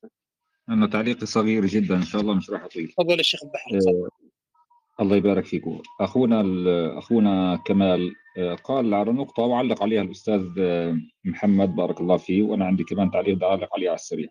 اللي هي أنه آه، قرأ بعض الأحاديث وعرضها على أصدقاء فقالوا أنه هذا غير ممكن يعني وبالتالي رفضوا الأحاديث. يعني المرجع يا جماعة باختصار بيكون عوين؟ عمين بيكون مرجع؟ هل بيكون مرجع لواحد عامي؟ يعني واحد بده يفهم دينه بروح لواحد عامي؟ يعني هل هذه منهجية؟ هذه مش منهجية إطلاقا. الواحد بيعرض المسألة في الدين آه، بيعرضها على العلماء مش على العوام. تعرضها على العوام. تسأل العوام على معاني الكلمات. تمام؟ انت انت إذا بدك تعرف معنى كلمة بترجع لقاموس. وأنا مش عارف إذا أنت من الناس اللي بينكروا معاني الكلمات أو بينكروهاش. يعني الواحد بيرجع للعلماء. يعني في نفس في نفس النقطة أستطيع أقول لك يمكنك إنك أنت تعرض آيات ظاهرها تناقض وطبعا في القرآن ما في تناقض اطلاقا. ممكن إنه أنت تعرض آيات ظاهرها تناقض على أصدقائك وربما يرفضوها وبالتالي يكفروا القرآن. فهذه مش منهجية. المنهجية الصح أن الواحد بيسأل أهل العلم. تمام؟ آه هذه نقطة. آه النقطة الثانية اللهم صل على سيدنا محمد. آه سألت عن آه إنه ليش ما فيش يعني إشمعنى ما يكون في حدا يفسر القرآن اليوم؟ طب ما في كثير اليوم يفسر القرآن وفي ناس أحياء يفسروا القرآن مثل الشيخ بسام جرار مثلا. آه، آه، حي يرزق ويفسر القرآن وأكيد كثير منكم بيعرفوا في الطاهر بن عاشور وبعض العلماء قالوا عن الطاهر بن عاشور إنه إنه أعظم تفسير في التاريخ كله. تمام؟ عن الطاهر بن عاشور بعض العلماء قالوا عنه هيك. يا ريت لو تقرأوا له تقرأوا عنده عنه كمان. الشيخ بسام جرار فيش ولا كلمة إلا بفصل المعاني تبعتها ويعني آه، بيوضحها بكل وضوح. يعني بالتالي أنا يعني أرجع للنقطة وأنهي المداخلة تبعتي. الواحد لما بده يسأل في شيء بيسأل العلماء مش بيسأل العوام. تمام؟ مفسرين موجودين في عصرنا الحاضر في مفسرين موجودين من ضمنهم مثلا الشيخ متولي الشعراوي رحمه الله عليه توفي قبل فترة آه، يعني قبل عشرات السنوات ربما قبل 30 سنة أظن. فيعني في مفسرين ونعرض اسئلتنا على العلماء وليس على العوام وجزاكم الله خيرا اذا يا بحار إحنا مش محتاجين نقرا الدين ومحتاجين ان إحنا نستنى العلماء يطلعوا لنا كل أسبوع بنتيجه هم قالوها ونكتفي بهذا لا لا لا لا خلاص اسال اسال العوام خلاص اسال العوام لا حول ولا قوه الا بالله يعني لا طيب قول لي ما أنا أنا ده اللي أنا فهمته منك معلش أنا اسف طيب معلش نازل العلماء بس أستاذ محمد يا أستاذ زكريا زكريا. زكريا. زكريا. لو سمحت. خلونا نمشي زي ما اتفقنا. زي ما اتفقنا. لا يا جماعة ثواني بقى أنتوا مشيتوا بميزان غلط. أنتوا دلوقتي معلش معلش زي ما اتفقنا. زكريا زكريا. آه ما انت- انت دلوقتي طالع يا فارس تقول زي ما اتفقنا ليه ما قلتش من الأول؟ أنا اللي بتكلم يا زكريا، يا زكريا. لو سمحت زكريا اعمل ميوت. لو أنت سمحت. أنت فقط أنت فقط في الدين لا تريد تنتظر العلماء لكن في الطب في التكنولوجيا في الاقتصاد في حتى حتى حتى الدراسات حول مجال كامل السفر أستاذ كمل آه، انتظر. هذا دور دور أستاذ فارس تفضل. تفضل أستاذ نعم. فارس. لا كل حال تقريبا أستاذ كمال أستاذ كمال. انتظر انتظر. تفضل أستاذ فارس. أنت تحدث؟ لا لا يا أستاذ كمال أنت أخ تحدث. كمال يا اخ كمال أستاذ يا فارس اخ يكمل. كمال. انت أنت سألت سؤال وقعدت آه، حكيت أنت اللي عندك فلازم يكون في إجابة لازم يكون في إجابة على الطرح اللي طرحته لأنه بتعرف يعني بترموا شبهات ولازم يصير في بس لما هو بيقول لي تعرض على طيب. العوام أنا لا لازم أوضح نقطتي برضه كمان يا أستاذ طيب. كمال كلنا عندنا ردود. وعندنا تعقيبات. أستاذ كمال كلنا لا لا لا كلنا عندنا تعقيبات. انتظر دورك وراح إن شاء الله استنى شوي استنى شوي يا عثمان استنى شوي. سارة علشان ما يقول أستاذ إنه عم لحظة لحظة عثمان. لحظة مش أنتوا قلتوا اثنين هيردوا يا جماعة؟ مش أنتوا قلتوا اثنين هيردوا وأنا والشيخ فارس الرد طيب سكروا لي؟ المايك سكروا لي المايك. لو سمحتوا سكروا لي المايك. بعد إذنكم بعد إذنكم. كمال إيش اعتراضك على إيش؟ عشان ما يقول إنه ظلمناهم وتكاترنا عليهم. لحظه إيش طيب يا زكريا. اقفل المايك. اقفل المايك. ماشي. تفضل يا كمال. لما لما لما أنا بقول عرضت أحاديث على بعض الأصدقاء كويس؟ لأنه في حاجات ما محتاجه مفسرين يا إخوانا نحن عرب وبنتكلم عربي وبنقرأ عربي من نحن أطفال. كويس؟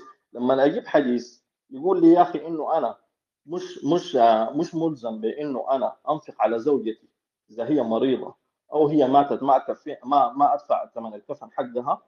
ده ح- ده ده مش عاوز تفسير ده كلام واضح.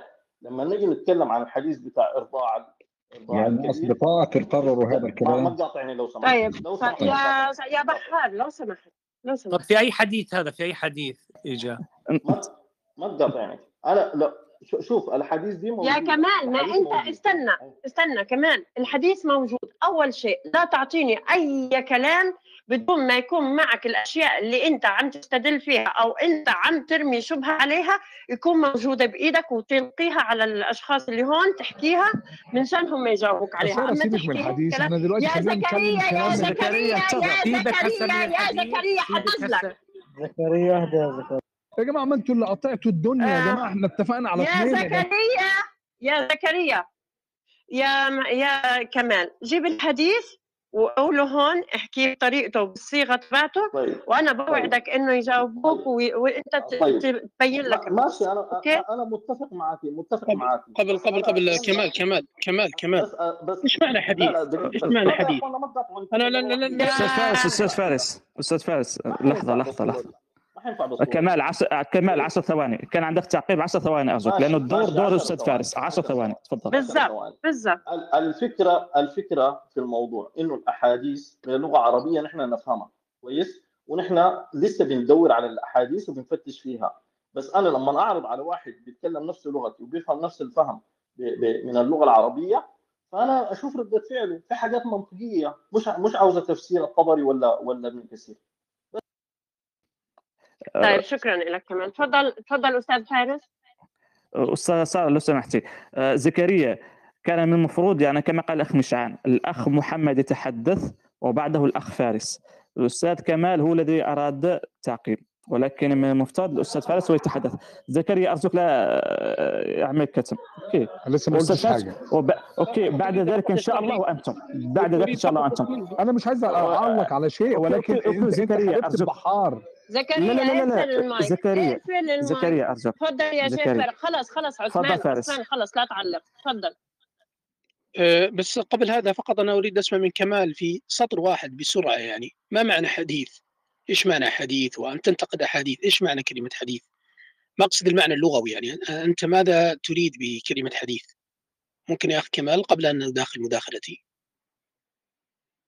أستاذ كمال أيوه أيوه معك إيش معنى حديث؟ يعني أنت تقول عرضت احاديث على زملائك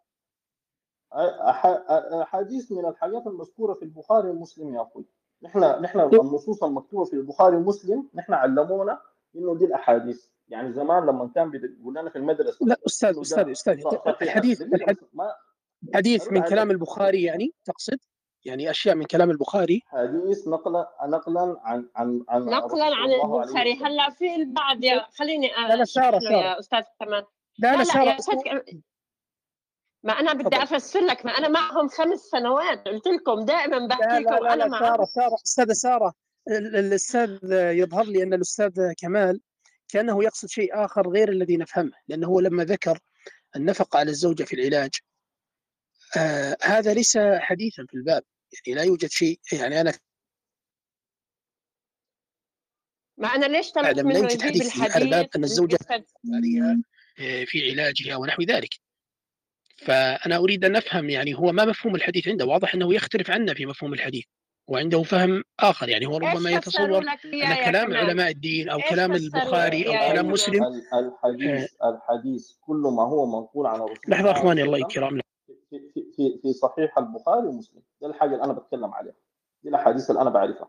إذا عندكم تفسير ثاني مختلفة أو كده وضحوا لي. لأني ما أسمع صوتك ما أدري ليش إيش المشكلة عندي؟ آه، أستاذ فارس أستاذ فارس إذا كنت تسمعني جيدا هو قال لك الحديث هو الذي آه الذي نقل عن رسول الله صلى الله عليه وسلم عن طريق البخاري. هكذا أنا فهمت. واضح. ولكن أستاذ فارس حتى تنهي مداخلتك أنا أعطي مهله للأستاذ كمال. يأتيني بالحديث الذي تحدث عنه انه في صحيح البخاري يتحدث عن عدم وجوب الإنفاق على المرأة على علاجها. عندك مهلة حتى ينهي الأستاذ فارس. عندك مهلة أستاذ كمال. اذهب لا لا كمال كمال كمال كمال. أرجوك كمال كمال. لأنه لأنه أنت رميت بالشيء ويجب أن تثبت تثبت صحته. عندك مهلة؟ حتى أستاذ فارس. تفضل تفضل. أنا بضرب لك فقط. هذا من ريحته. سارة المايك عندك مفتوح. خلص دخان. يا بحار. أستاذ الاستاذ فارس okay okay سكت المايك سكت المايك. أستاذ فارس تفضل. المايك لك. آه، شكرا لكم جميعا. آه، لن أطيل لأن الشيخ محمد بارك الله فيه يعني اشار شرح كثير من الأمور. لكن بعض الأمور آه، أريد أن أعيد ترتيبها. ذكر الشيخ محمد وأشير إلى أمور ربما الشيخ محمد آه، يعني آه، أشار لها اجمالا وأنا أريد أفصلها قليلا. ال- المسألة الأولى مسألة أحدهم ذكر مسألة لماذا لا يتطور آه، بحثنا في الدين كما تطور البحث في الطب. أقول آه، كما قال الشيخ محمد كلامه صحيح الشيخ محمد لكن فقط إعادة ترتيب لما ذكر الشيخ محمد. عندنا ال- المطور وعندنا المطور فيه. عندنا البحث وعند أو الباحث وعندنا المبحوث فيه. فنحن حينما نريد أن نجتهد عندنا الشيء الذي آه، نريد أن نجتهد فيه وعندنا ال- الذي يجتهد فالشيخ محمد حينما ذكر مثال الطب كان يريد الإشارة إلى أن الذي يتكلم في هذه الأمور يجب أن يكون مختصا لا شك أن جميع الإخوة ها هنا إن كانوا يعني آه، ليس عندهم حنق أو تعصب على شيء ويريدون أن نفكر بمنطقية أننا لا نقول إن أي أحد في آه، أي مجال يستطيع أن يتكلم. الذي يريد أن يطور شيء لابد أن يكون هذا الشخص متأهل وله مواصفات معينة تؤهله أن يفعل ذلك، ليس كل أحد. فهذا كما أشار الشيخ محمد لابد من أن يكون الذي يطور الطب هم أطباء، أشخاص قضوا عمرهم في فهم النظام الطبيعي لجسم الإنسان وما يتعلق به وأيضا ما يتعلق بال يعني وما وما يلابسه وما يلاحقه وهكذا في كل مجال وكذلك الدين لا يمكن لشخص طول حياته منشغل بالاقتصاد وبالحركه المالية ونحو ذلك أن يفهم في الفيزياء النووية ولا أن يستطيع يطورها إلا إذا بذل جهدا في دراستها ومعرفة تفاصيلها وإلى آخره.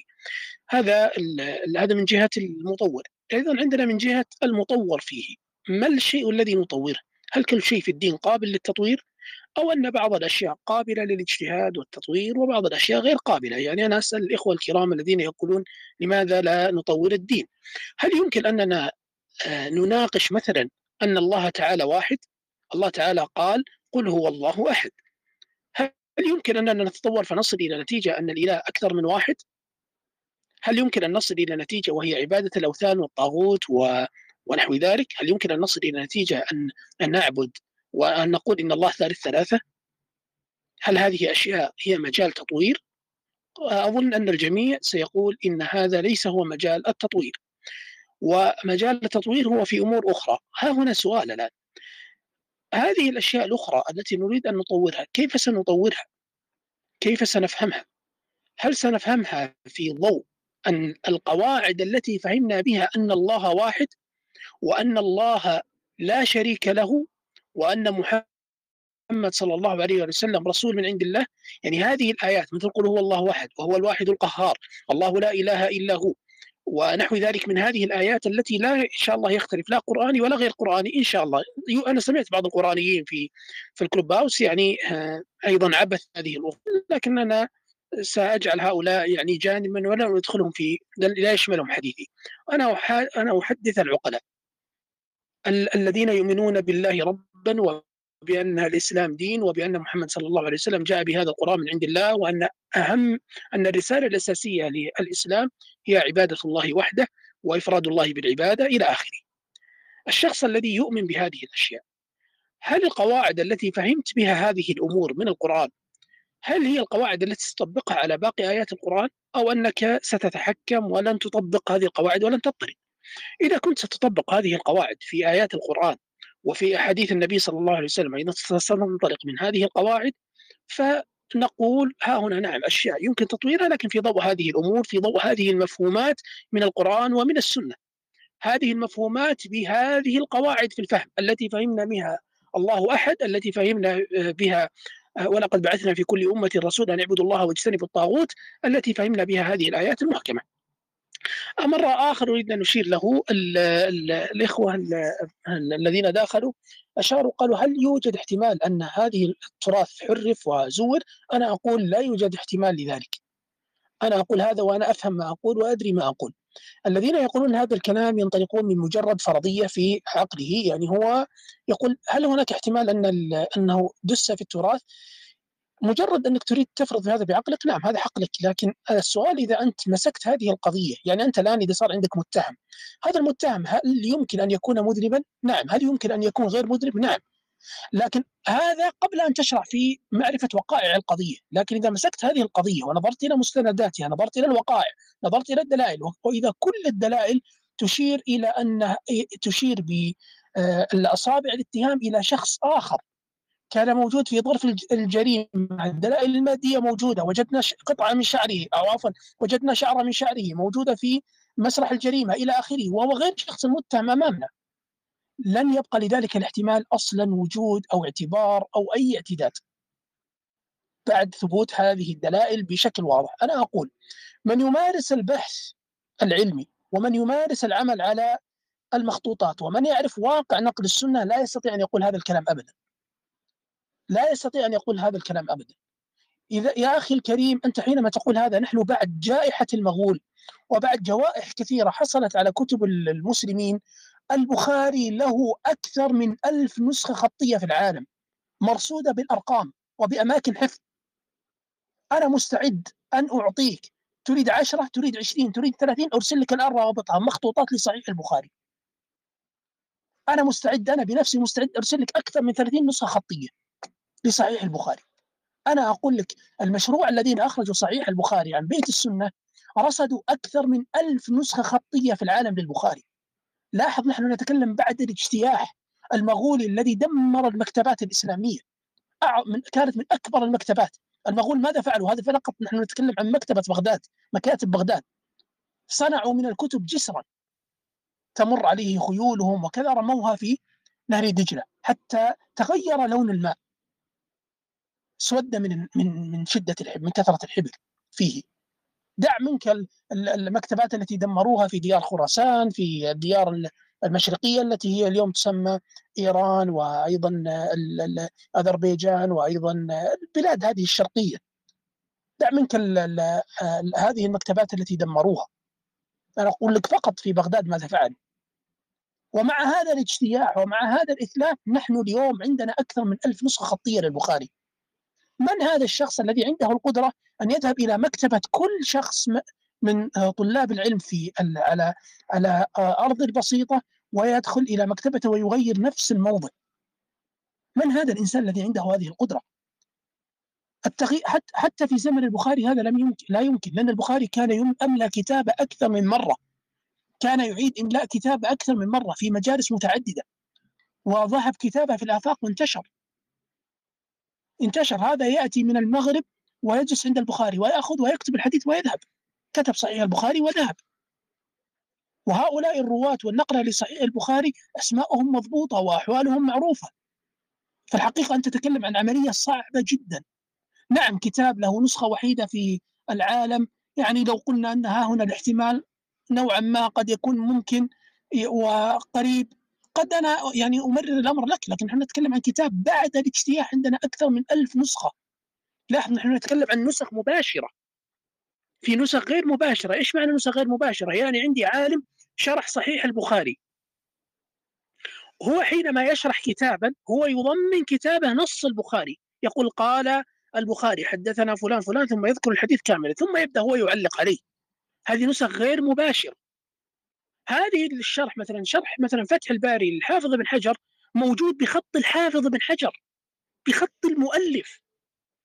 ليس بخط فلان أو علان لو أحد غير يتضح لنا تغير الخط. واضح تماما. استاذنا. فارس عم يعترضوا إنه الشرح هذا الكثير إنه بيتوههم إنه لو بيكون مبسط علشان هم من العوام. أنت ما عم تحكي مع علماء. مش الكل ممكن إنه يفهم كل الكلام لا لا طويل لا لا. اختصارا والله عم بحكي عم بحكي عم بجاوب. عارفك والله اختارك اختاره بارك الله فيك. مثل هذه المسائل لابد من التأصيل لكي يعلم الناس كيف يبني النا... يعني يبني والله الشيخ يا والله يا أستاذ مشعان أنا معك قسما بالله معكم كلكم بس سارة أنا لا أتكلم عن شرح ابن حجر. أستاذ أنا لا أتكلم عن نفس الشرح. أنا أتكلم عن نص صحيح البخاري الموجود ضمن الشرح. أقول هذه نسخ غير مباشرة. عندنا نسخ مباشرة. إيش معنى نسخ مباشرة؟ يعني عندي مخطوطات وكتب قديمة جدا عتيقة يصل أعمارها إلى ال 400 وال 500 وال 800 سنة. نسخ لصحيح البخاري يعني مكتوب فيها صحيح البخاري كاملا. عندنا أيضا كتب في في ضمنها صحيح البخاري يعني هي أدخلت في وسطها صحيح البخاري التي هي الكتب التي تشرح البخاري. كيف هو يشرح البخاري؟ يأتي بنص كلام البخاري الحديث الذي يرويه البخاري ثم بعد ذلك يأتي هو يعلق. أنا ما عندي من تعليق عندي من نص البخاري. هذه نسميها نسخ غير مباشرة. هذه نسخ غير مباشرة. فأنا أشرح فكرة النسخ غير المباشرة. فنحن حينما نتكلم نقول البخاري عندنا أكثر من ألف نسخة بعد هذه عوامل فناء الكتب بقي عندنا أكثر من ألف نسخة. هذه نسخ مباشرة. إذا حسبنا النسخ غير المباشرة سيكون العدد عندنا ضخم. والأمر فوق أن يمكن حصره أو تغييره أو تعديله فاحتمال الإخوة أنه دخل تزوير هذا بعيد جدا. أيضا أخ كمال آخر شيء أختم به. قال ربما هذه الشخصيات التي في هذه الأسانيد شخصيات وهمية. أنا أقول هذا الكلام فارس في النقطة الأخيرة إذا أمكن تختصر فيها؟ إذا أمكن. خلاص أنا أختم بها وباختصار بس هو يقول شخصيات وهمية أنا مستغرب كيف يقول هي شخصيات وهمية وهو يقول أنا أؤمن بالسنة. السنة التي نقلها هم هذه الشخصيات التي أنت تسميها وهمية.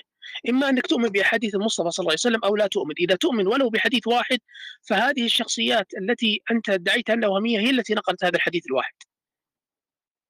فالنقل هم النقل، هؤلاء أنا أعرف لماذا انت تقول تحتمل أنهم شخصيات وهمية، لأنك أخي الكريم ربما أنت يعني مثلا بعيد جدا عن آه عن السياق هؤلاء الرجال ومعرفة أحوالهم ونحو ذلك، يعني مثلا لو ذكرت لك أنا علي رضا باشا قلت لك تعرف علي رضا باشا ربما أنت لا تعرف مع أنه كان والي.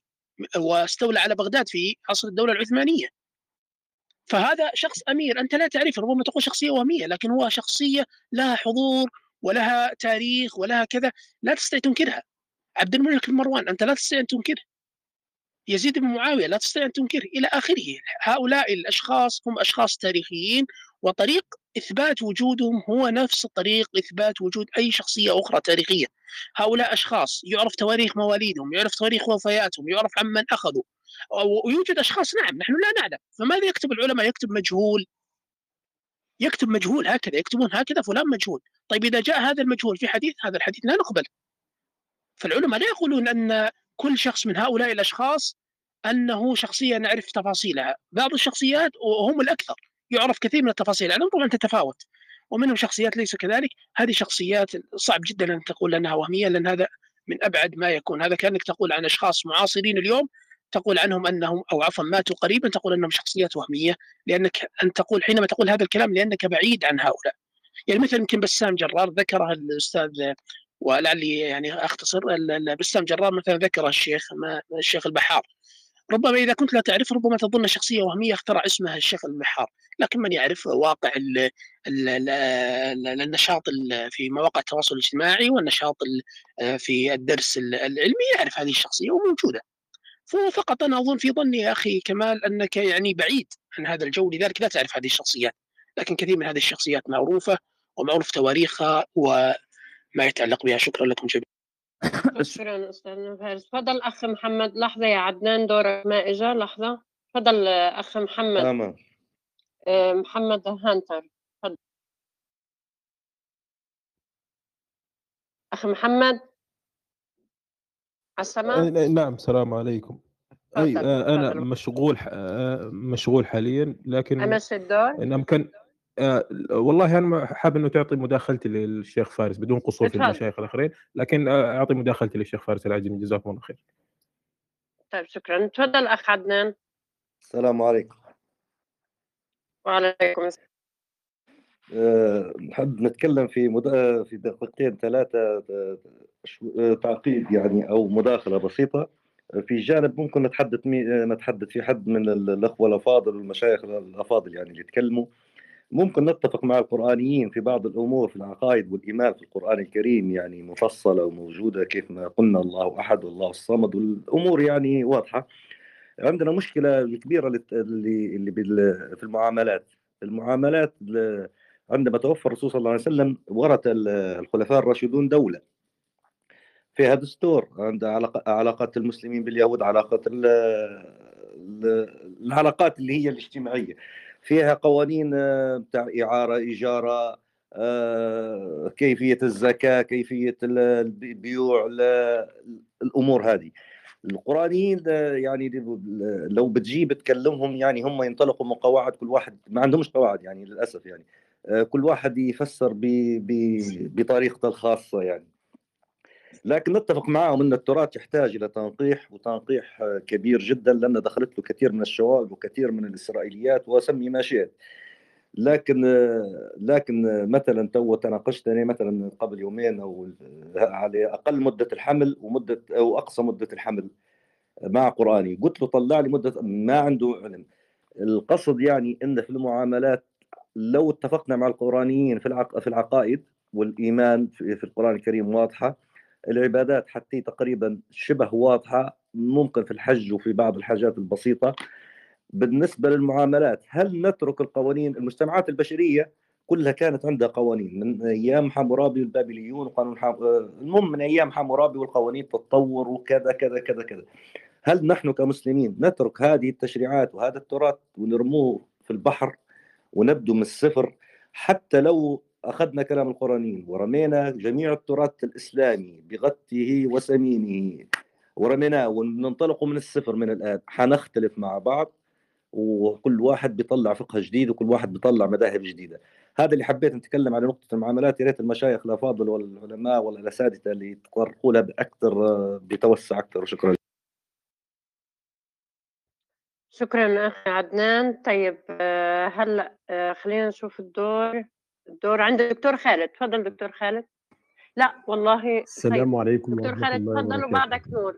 نور بعد الدكتور خالد. ماشي نور طارق. طيب السلام عليكم ورحمة الله وبركاته. وعليكم السلام هو بالنسبة للسؤال اللي هو عنوان الروم يعني القول الفصل بين التأويل الخاطئ للقرآن الكريم وإنكار السنة. السؤال اللي إحنا بنسأله للآخر اللي هو تارة يأتينا بوجه الفلسفة العلمانية، تارة ياتينا بوجه الليبرالية، تارة ياتينا بوجه الديانة الإبراهيمية الجديدة، تارة ياتينا بوجه النسوية. وحاليا اللي هو والله التدبر الجديد أو القرآن اللي هو ما بين قوسين إنكار التراث الإسلامي ليس السنة فقط إنكار التراث الإسلامي السنة أقوال الصحابة الفقه الإسلامي وهذا هو التدبر الجديد. هو السؤال؟ إحنا علشان بس والله نقدر نحكم ما بين أهل السنة والجماعة وما بين هذا الآخر. يعني أنا إزاي أحكم؟ مين مين الصح ومين اللي على خطأ؟ أكيد في معيارية للحكم ما بين الأشياء. إحنا نعرف والله إن أهل السنة عندهم هذه المعيارية موجودة. فعلم المنطق بيقول لك أنت في عندك ثلاث طرق للتحاكم ما بين الخطأ والصواب. علشان أنت لو أنت مختلف مع حد معين مين فيكم صح ومين فيكم غلط في عندك ثلاث طرق. الطريقة الأولى إن أنتوا الاثنين بترجعوا خطوة لورا وبتتفقوا على حاجة بتجمع بينكم أنتوا الاثنين اسمها المرجعية. الحاجة الثانية بيقول لك والله إن إحنا بنجرب الفكر ده وبنشوف أو بنجرب الطريقة ديت وبنشوف والله مآلات التجربة ديت في النهايه هتفضل لايه وإذا كانت المآلات يعني كويسة فبنقول والله ان ان ده صواب. إذا كانت مش كويسة بنقول إن هي خطأ. الطريقة الثالثه في المعياريه اللي هي الاتفاق. إن إحنا أو إحنا زي ما إحنا بنسميها بالعادات والتقاليد. إن إحنا كده بنيجي ونقعد مع بعض بنقول والله إن في مبادئ عامة المبادئ العامة ديت إحنا نتفق عليها مع بعض وإحنا قاعدين كده على الطاولة حكم القبيلة بقى أو آه إلى آخره يعني. فبنقول والله إن إحنا آه الشيء ده آه احترام الكبير ده يعتبر أصل من أصولنا. آه فبالتالي أي حد هيخالف هذا الأصل يبقى هو كده ارتكب آه خطأ أو خطيئة. إحنا لما نيجي نتحاكم بهذه المعايير الثلاثة المنطقية نشوف مين اللي صح ومين اللي غلط. أنا أنا الآن أتكلم بالعقل أتكلم بالمنطق. يا ترى أهل السنة والجماعة عندهم مرجعية؟ الإجابة آه طبعا وبقوة. أهل السنة والجماعة عندهم أصول مرجعية كلهم بالاتفاق اتفقوا عليه اللي هو القرآن الكريم آه السنة النبوية آه أفعال أو فهم الصحابة أفعال الصحابة وأقوال الصحابة. دي ثلاث ثلاث أصول مرجعيه عند أهل السنة والجماعة. لو أنت بتحاول أي شاب من من أهل السنة والجماعة قلت له إن ربنا عز وجل قال كذا سوف يسلم لك. قلت له أن سيدنا رسول الله صلى الله عليه وسلم قال أو فعل أو قرر سوف يسلم لك. قلت له والله أن هذا هو فهم الصحابة سوف يسلم لك. اذا هناك مرجعية عند هؤلاء القوم. طيب تعالى بقى نروح للآخر. حضرتك مرجعيتك إيه؟ يعني أنا والله لما أجي احاكمك هل أنا محتاج إن أنا آجي كل واحد علشان أقعد معاه سنة عشان أكتشف مرجعيته؟ ولما آجي أطبق المرجعية اللي عنده على واحد تاني هل ده يعني ده اللي إحنا بنسميه الاستقراء؟ هل ده هيفيدني؟ لا إحنا لقينا والله إن إحنا ما قدرناش نعمل استقراء لهذا الآخر. موضوع مهم جدا وموضوع حيوي وهو صلب الدين الإسلامي الصلاة. يعني أول ما يحاسب عليه العبد يوم القيامة وهي الصلاة. تعالى كده حضرتك اللي هو الآخر اللي هو هذا القرآن. ممكن تقول لي كم صلاة في اليوم؟ يعني يعني أنا أكاد يعني طبعا مش بلاش أجزم والكلام ده كله كل اللي على الستيج عارفين الإجابة. هتلاقي واحد والله بيقول لك آه على فكرة إحنا زيكم بالظبط. خمسه واحد تاني هيقول لك لا يا جماعة ده هم ثلاثة واحد ثالث هيقول لك هم اثنين بس. واحد تاني هيقول لك هي صلاة واحدة في اليوم. واحد تاني هيقول لك مفيش حاجة أصلا اسمها صلاة. الصلاة ديت عبارة عن صلة. يعني حاجة كده إحنا بنصل فيها الأرض بالسماء يعني حاجة كده داخل القلب. مفيش حاجة حضرتك اسمها أفعال. الصلاة الصلاة ليست أفعال. الصلاة عبارة عن علاقة قلبية زي اليوجا كده حضرتك. طيب هل دي مرجعية؟ يعني يعني إحنا بنيجي نتكلم عن موضوع يعني يعني أول ما يحاسب عليه العبد يوم القيامة ومفيش مرجعية عند حضرتك نقدر نحاكمك فيها للخطأ والصواب. هل ده يعتبر فكر إنساني؟ لا أنا شايف إن ده اسمه عبث. يعني ده عبارة عن عبث إنساني وليس فكر إنساني يستحق إن إحنا والله نقعد نفند هذا الفكر ونرد عليه. لأن حضرتك أصلا ما عندكش مرجعية إحنا نقدر نحاكمك ليها. حضرتك لما نيجي نحاكمك لقواعد اللغة العربية. ما بنتفقش معاك. اليمين حضرتك بتروح فيه في أقصى اليسار. يعني حضرتك زين الناس حب الشهوات من النساء والبنين. لفظة النساء اللي الأمة إن الأرض كلها اتفقت عليها بين مسلم وكافر حضرتك لا تسلم لهذا المعنى أن النساء هي المرأة وتقول أن النساء هي النسيء بمعنى التأخير. يعني طيب فين المرجعية يا فندم اللي إحنا هنتحاكم إليها مع حضرتك؟ دي النقطة الأولى. النقطة الثانية والله موضوع إن الكتابة والمخطوطات والكلام ده كله. هو بس حضرتك في حاجة أنت أغفلتها يعني إن علم الأركولوجي هو علم نفي وليس علم إثبات. يعني إحنا لما نيجي نقول والله هذا الشيء ليس موجود ما بن... لا نستطيع أن أن نجزم أن هذا الشيء كان موجودا بالفعل.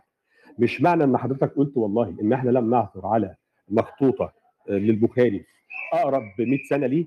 ده لا ي... لا يلزم منه عدم وجود صحيح البخاري. لا أنت لقيت أقرب مخطوطة يبقى أنت بتثبت وجود البخاري. لكن عدم وجود المخطوطة لا يلزم منه النفي يا فندم. لأن إحنا في الأصل كما قال رسول الله صلى الله عليه وسلم نحن أمة أمية لا تكتب ولا تحسب. فحضرتك عدم الكتابة ليس معناه عدم الحجة. وآسف على الاطاله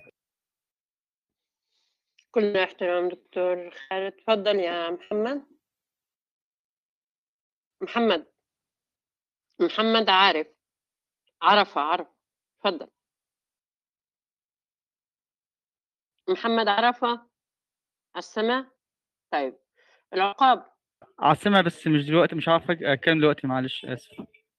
أوكي شكرا. العقاب ولا السلام عليكم. آه أنا بدي أعلق على المواضيع الحوار اللي صار. لا بخصوص الكلام تبع إنه نستنى العلماء لحتى يقولوا نحن ما نشغل عقلنا. طيب هلأ لو واحد أخوه مصاب بمرض الإيدز أو أي مرض سرطان ليش يستنى الأطباء حتى يكتشفوا العلاج؟ ليش ما هو يحاول يعطيه أي دواء أي شيء يعمل له عملية جراحية بنفسه ويستنى الأطباء؟ هاي شغلة.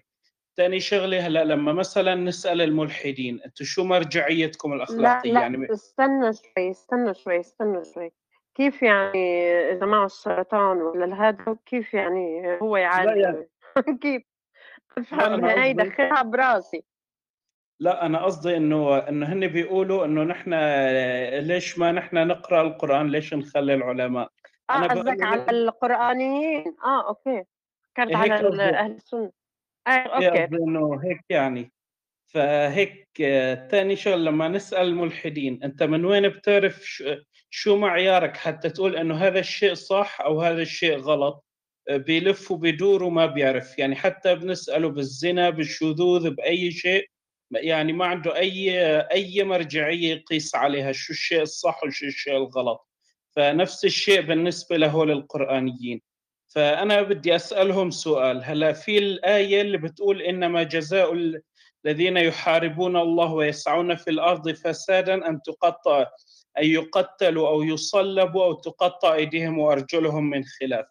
طيب هلا لو قلت لك مثلا إنه بائع الآيس كريم لما بيبيع آيس كريم الناس بي بيسبب الناس يصير عندها سكر وأمراض. اذا هذا بائع الآيس كريم مفسد بالأرض اذا أنا بدي أقطع إيده ورجله. يعني أثبت لي من منهجك إنه هذا التفسير غلط. ما راح يقدر. فبالتالي آه، المنكري السنة منهجهم بالضبط مثل منهج الملحدين. يعني يعني بن- بدهم يخلونا نصير بغابة. ما في عنا أي طريقة نعرف آه، شو الصح وشو الخطأ. ثاني شغلة هني مثلا شو بيقولوا لك؟ بيقولوا لك إنه في آه، آه، إنه أنتم المسلمين مختلفين سنة وشيعة وهي الأشياء. طيب هلأ لما نحن المسلمين عندنا السنة أكثر من مليار وشوي لما أنتم تجوا تخترعوا طائفة جديدة تسموها القرآنيين. طيب مو أنتم هيك عم تساهموا بالخلاف. ثاني شيء يعني يعني هلا مثلا نحن المسلمين السنة لما عندنا قواعد عم نمشي عليها وبنختلف فيها. لما أنتم تخترعوا طائفة جديدة ما فيها أي قواعد كل واحد برأيه. أنتم هيك بدكم تخلونا 5000 طائفة متحارب بين بعضنا. يعني أنتم أنتم اللي عم تزيدوا الخلاف. ثاني شيء لما بيقولوا إنه هن تكفيري إنه نحن تكفيريين وهي الأشياء. طيب الناس اللي من 1400 سنة وهن ماشيين على الأحاديث وعلى السنة وهي الأشياء. لما أنتم تجوا بهالعصر هذا وتقولوا لنا إنه كلهم غلط ونحن عقلنا له وتفكيرنا هو اللي صح. طيب الألف الناس اللي عاشت من 1400 سنة لهلأ هدول شو حكمهم؟ فهي أسئلتي وبتمنى الجماعة المنكرين السنة يجاوبون عليها. طيب إن شاء الله. تفضل أخونا محمد سعيد. محمد سعيد. السلام عليكم.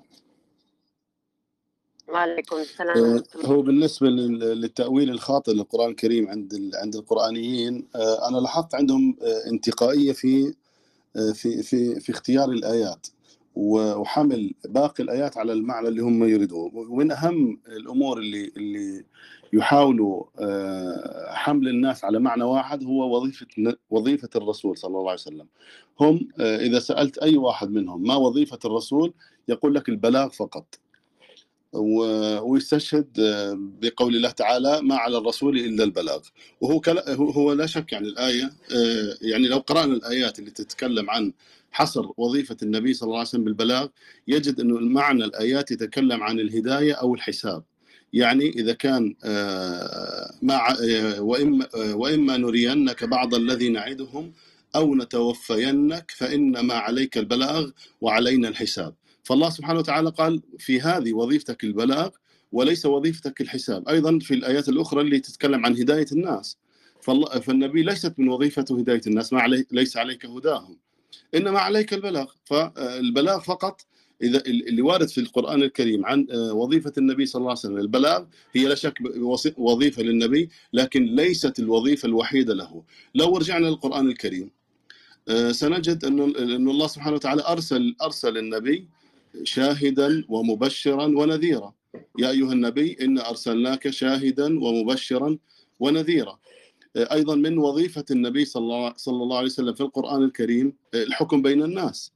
إنا أنزلنا إليك الكتاب بالحق لتحكم بين الناس بما أراك الله ولا تكن للخائنين خصيما. فهذه وظيفة للنبي صلى الله عليه وسلم. لماذا؟ لا, لا, لا تنقل عنده. لماذا فقط وظيفة النبي؟ البلاغ فقط. أيضا قول الله تعالى وان يحكم بينهم بما أنزل الله ولا تتبع أهواءهم. أيضا من وظيفة النبي صلى الله عليه وسلم أنه قدوة للناس يتأسى به المسلمون. لقد كان لكم في رسول الله أسوة حسنة لمن كان يرجو الله واليوم الآخر. ناهيك عن آيات الطاعة اللي أمر يعني ربما تربو على على 20 آية اللي اللي تأمر بطاعة الله طاعة الله وطاعة رسوله. يا أيها الذين آمنوا أطيعوا الله وأطيعوا الرسول. وأولي الأمر منكم. فإن تنازعتم في شيء فردوه إلى الله والرسول إن كنتم تؤمنون بالله واليوم الآخر.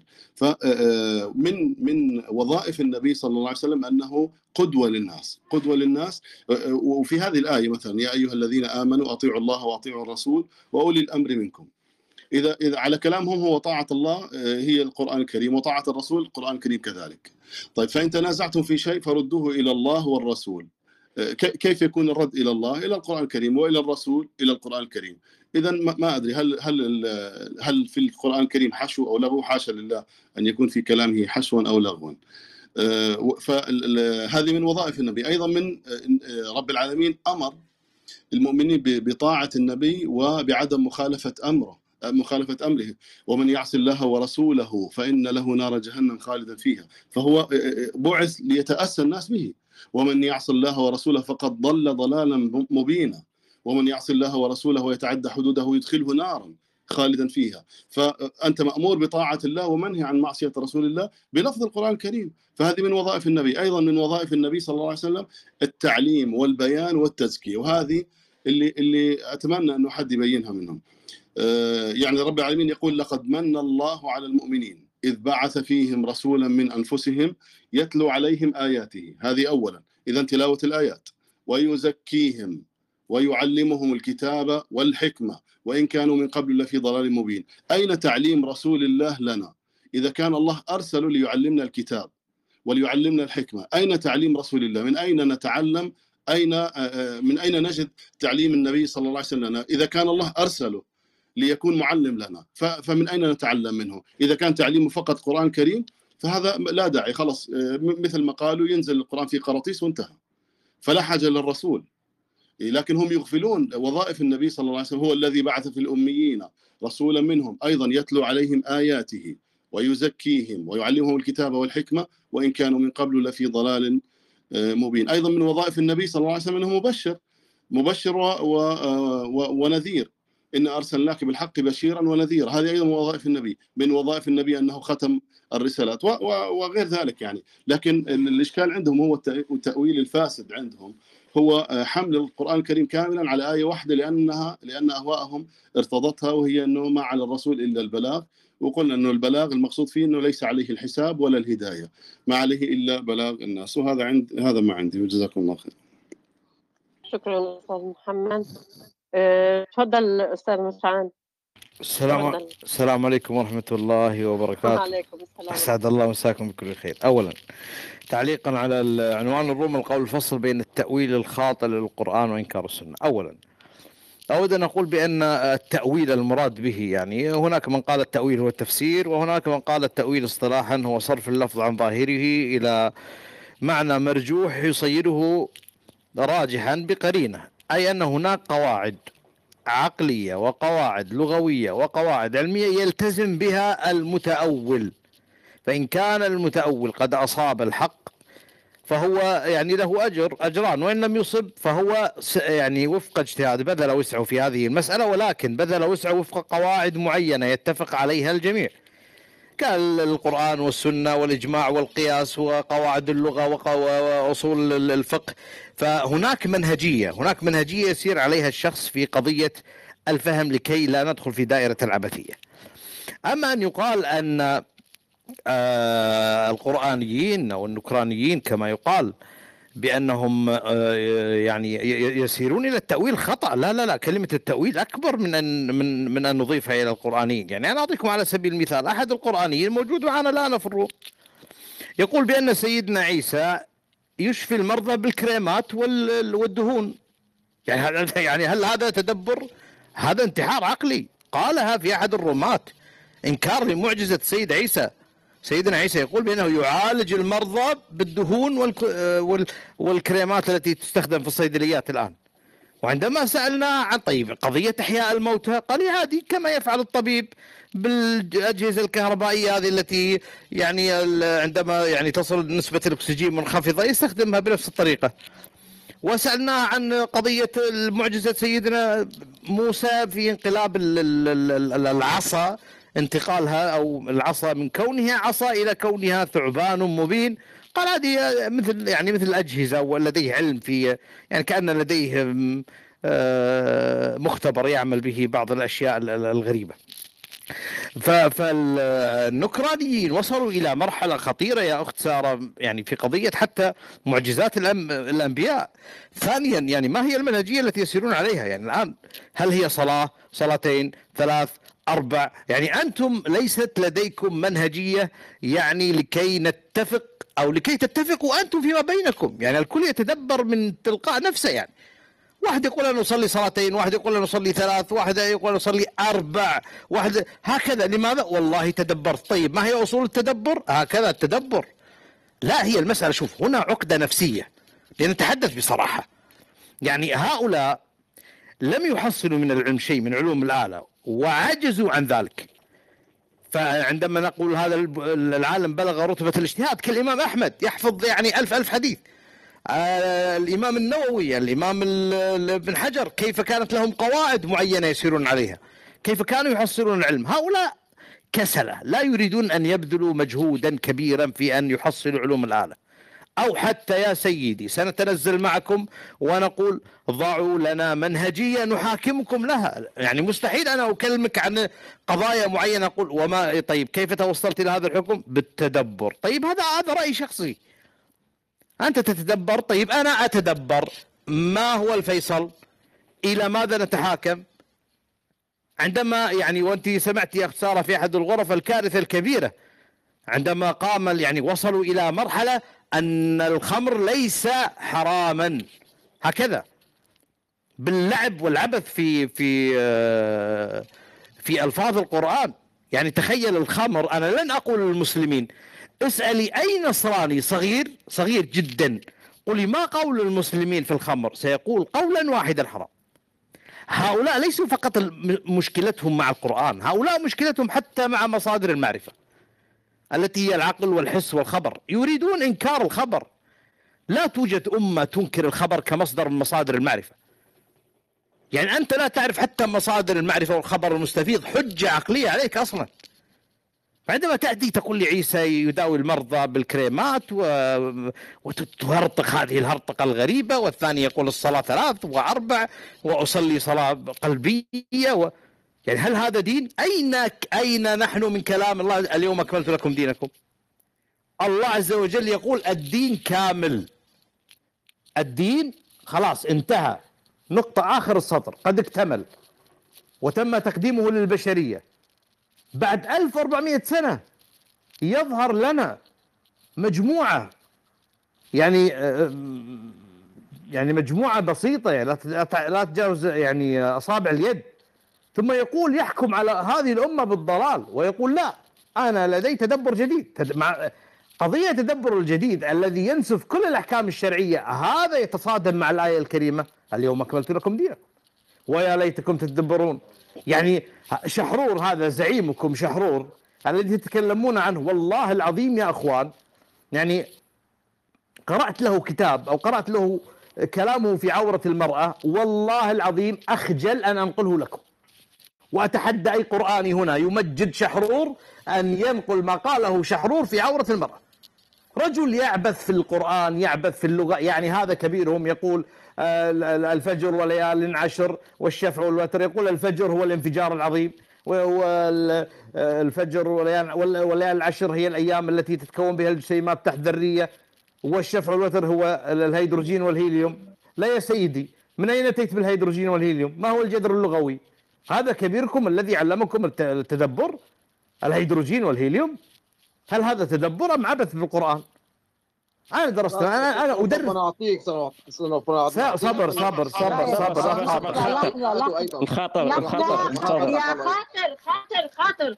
بس أنا يعني بنزلك لحظة لحظة أستاذ مشعل بس عشان خاطر أي مقاطعة راح أضطر أنزلك مع كل الاحترام لشخصك الكريم فلو سمحت احترم الكلام وبعدين راح أفتح لك المجال. أنت بتحكي اللي بدك إياه.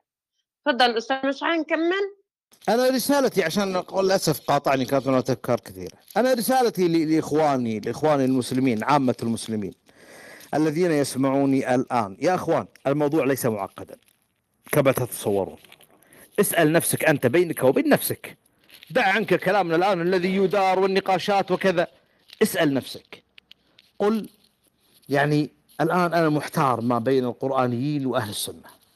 يعني هؤلاء يطرحون أشياء وهؤلاء يطرحون أشياء وأنا محتار جدا ولا أعلم أين الحقيقة. تعال. الآن عندما تسأل عن لا أريدك أن تعرف الأحكام الشرعية في المعاملات المالية. دعك دع عنك هذا. أريد أن أسألك عن الشيء الذي ستحاسب به أمام الله عز وجل. الصلاة. لن تجد تفصيلاتها في القرآن. ستجدها في السنة. الزكاة. ستجدها في السنة. الحج. هم يقولون نحج في أي شهر. سياحة هي المسألة. أشهر المعلومات. سياحة المسألة ولا إيش بالضبط؟ نحج في أي, في, في, في أي وقت. الصيام. يعبثون في الصيام. تخيل هذه أركان الدين التي يعرفها حتى الذي لا يفك الخط. هذه الأشياء لا تجد إجابتها عند القرآني فانتبه لدينك. أنا لا أقول لك تشع... تشعب واقرأ وابحث. أنا أقول لك أركان الدين. الله أقام الحجة علينا. عندما نقف بين يدي الله ويسألنا ونقول لنا والله قرآني. يقول لحظة القرآني إيش يعني؟ ألم أوضح لك الصلاة والزكاة والحج؟ أركان الدين. أنا لم أطلب لك يعني أطلب منك شيء كثير. أركان الدين هذا أين أين وجدتها؟ في القرآن أم تفصيلاتها في السنة؟ ستقول في السنة. طيب لماذا رد يعني يعني رددت السنة هكذا وأخذتها بالتشهي؟ فتخيلوا يا جماعة أبسط الأشياء تثبت أن هذا المنهج ساقط أصلا. أبسط الأشياء. أركان الدين. قلت لنا إن القرآن ناقص. يا حبيبي يا سيدي يا سيدي لا تقاطعني لا تقاطعني. أنا ما أعرف إيش المقاطعات يعني. ترى أنا ترى ملك المقاطعات على فكرة يعني لو لو تبيني دعوه دعوه دعوه دعوه يكمل دعوه طيب مين مين مين؟ لحظه لحظة. مين اللي عم يقاطع؟ مين اللي عم يقاطع؟ والله ما أدري يا أخت سارة يعني طيب تفضل أستاذ مش نكمل لأنه بدي أمشي الدور حاضر. أنا أمشي الدور أنا عارف إنك كثير. فأنا رسالتي لإخواني المسلمين يا إخوان اسأل نفسك لا تقول أنا مو عالم أدري إنك مو عالم ولا تع... ولم تقرأ في أصول الفقه ولا شيء. اسأل عن أركان الدين التي أنت تقوم بها الآن. الصلاة الصيام الزكاة. اسأل نفسك. اذهب الي قران يقول أريد تفصيلات الصلاة لو سمحت. أريدها. أريدها في القرآن يا رجل. أنا أصلي يوميا. كيف نحن مليار مسلم يصلي عبر عبر يعني يعني التاريخ هذا كله بهذه الطريقة؟ أين نجدها؟ أنا سأحاسب على صلاتي. طيب أنا أين أجد الزكاة؟ فأتوا حقه يوم حصاده أين أعرف مقدار الزكاه؟ أنا لدي مال، ما هي زكاة الفضة؟ ما هي زكاة الذهب؟ ما هي لن تجد شيئا تجد أهواء وتحكمات ولا توجد منهجية. وأسف على الإطالة.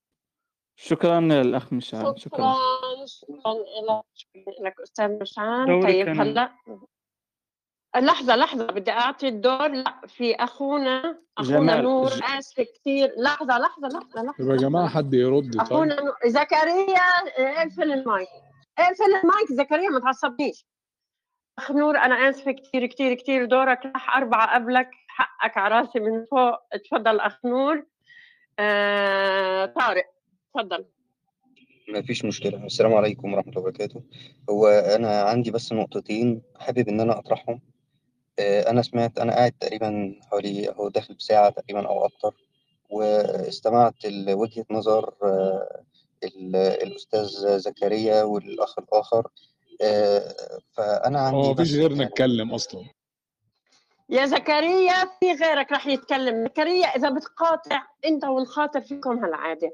لو سمحتوا. لا لا لا تجي صعب صعب يفهم ست سارة صعب.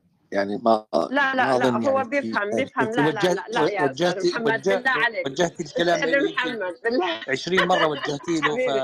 فيبدو إنه في مشكلة. محمد أنا أصلا عشان بفهم عشان بال... عشان بالآيفون بس. يا زكريا! وبعدين؟ تفضل يا أخي نور آسفة. طيب لا هو كان في أخ زكريا كان في شخص آخر تقريبا مش فاكر والله اسمه إيه لقمان بس كان في حد أيضا تقريبا على ما أتذكر. آه هو أيضا يعني آه، على ما أظن يعني اللي فهمته منه إن هو أيضا يعني منكر سنة أو آه، عنده اعتراضات على السنة يعني. فأنا بس يعني آه، سمعت الإخوة الكرام آه، ردوا وأجادوا في في في الردود آه، جزاهم الله خيرا ولكن ال- ال- ال level ال level اللي حضراتكم بتردوا عليه آه، الردود اللي حضراتكم بتردوا عليها دي أنا على ما سمعت يعني هي ليفل أعلى شوية المفروض ننزل شوية. أنزلوا الناس منازلهم. فأنا أرى إن الأستاذ زكريا لما طرح من ساعة تقريبا قال آه، إن السنة أو الحديث بيقول آه، في حديث بيقول إن ما نصرفش على ال- المرأة. لا أعلم والله ما يعني والله ما مر ما بتسمعش كويس تقريبا. زكريا يا زكريا زكريا زكريا. هو مش أنا.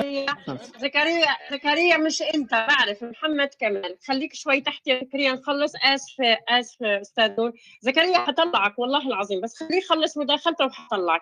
مش آه، زكريا هو الأستاذ آه، محمد كمال يا أخ نوري. تمام. يعني أنا ايا كان أنا أقصد ال- الطرف الآخر اللي هو بيمثل إنكار السنة. فانا أرى من وجهة نظري إن الليفل ده أو المستوى دوت إن واحد مش عارف أصلا هو إيه الفرق ما بين الحديث والفرق ما بين آراء ال- بعض الفقهاء.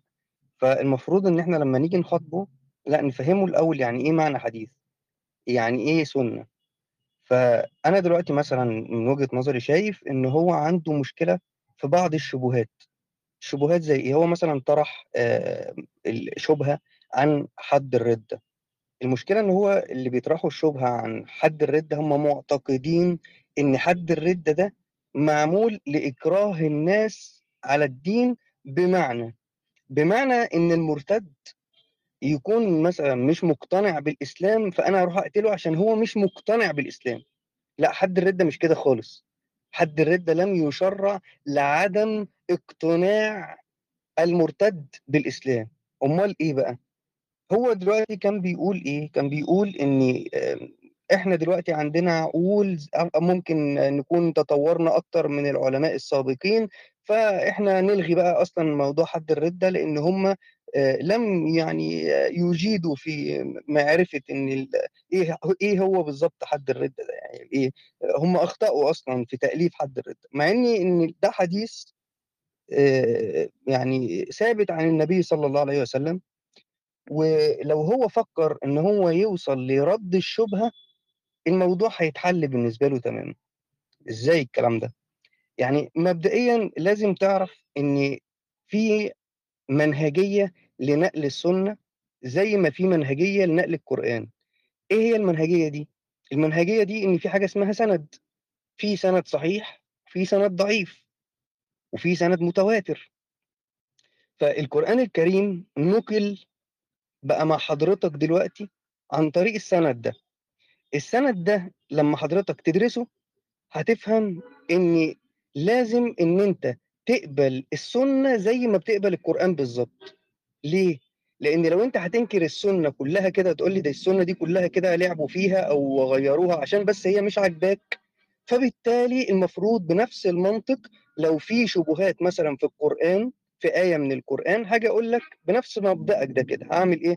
لأ ده ممكن يكون اتلعب في القرآن وغيروا القرآن نفس المبدأ لكن إيه هي المنهجية اللي الإخوة الكرام كلهم كانوا بيتكلموا عنها؟ المنهجية دي إن في حاجة اسمها دراسة للسند للأسانيد في حاجة اسمها علم الرجال علم الجرح والتعديل فلا بد ان حضرتك الأول عشان تحكم على حديث ما إن هو صحيح أو ضعيف لازم إن حضرتك تكون عندك آليات عندك آه، منهجية دراسة لعلم الحديث ده. مش بم- بجرة قلم كده هتيجي وتقول لي لا ده ده الحديث ده بصراحة كده مش عاجبني. أنا خدته ورحت لاثنين اصحابي زي ما حضرتك قلت خدته ورحت اتنين اصحابي قلت له إيه ده إيه رأيكم في في الحديث ده؟ لا لا بصراحة مش عاجبنا. طب خلاص لأ ده ده يبقى مش ده مضاف ده ده ما النبي ما قالوش. طب ما بنفس المنطق كده لو جبت مثلا آية قرآنية واديتها لواحد صاحبي برضه قاعدين على القهوة وبعدين بنقول له إيه رأيك في الآية دي؟ لأ بصراحة مش عاجباني دي فيها شبهة. فالمفروض بقى بنفس مبدأ حضرتك ده نعمل إيه؟ نحذفها من القرآن. بنفس المنطق يعني.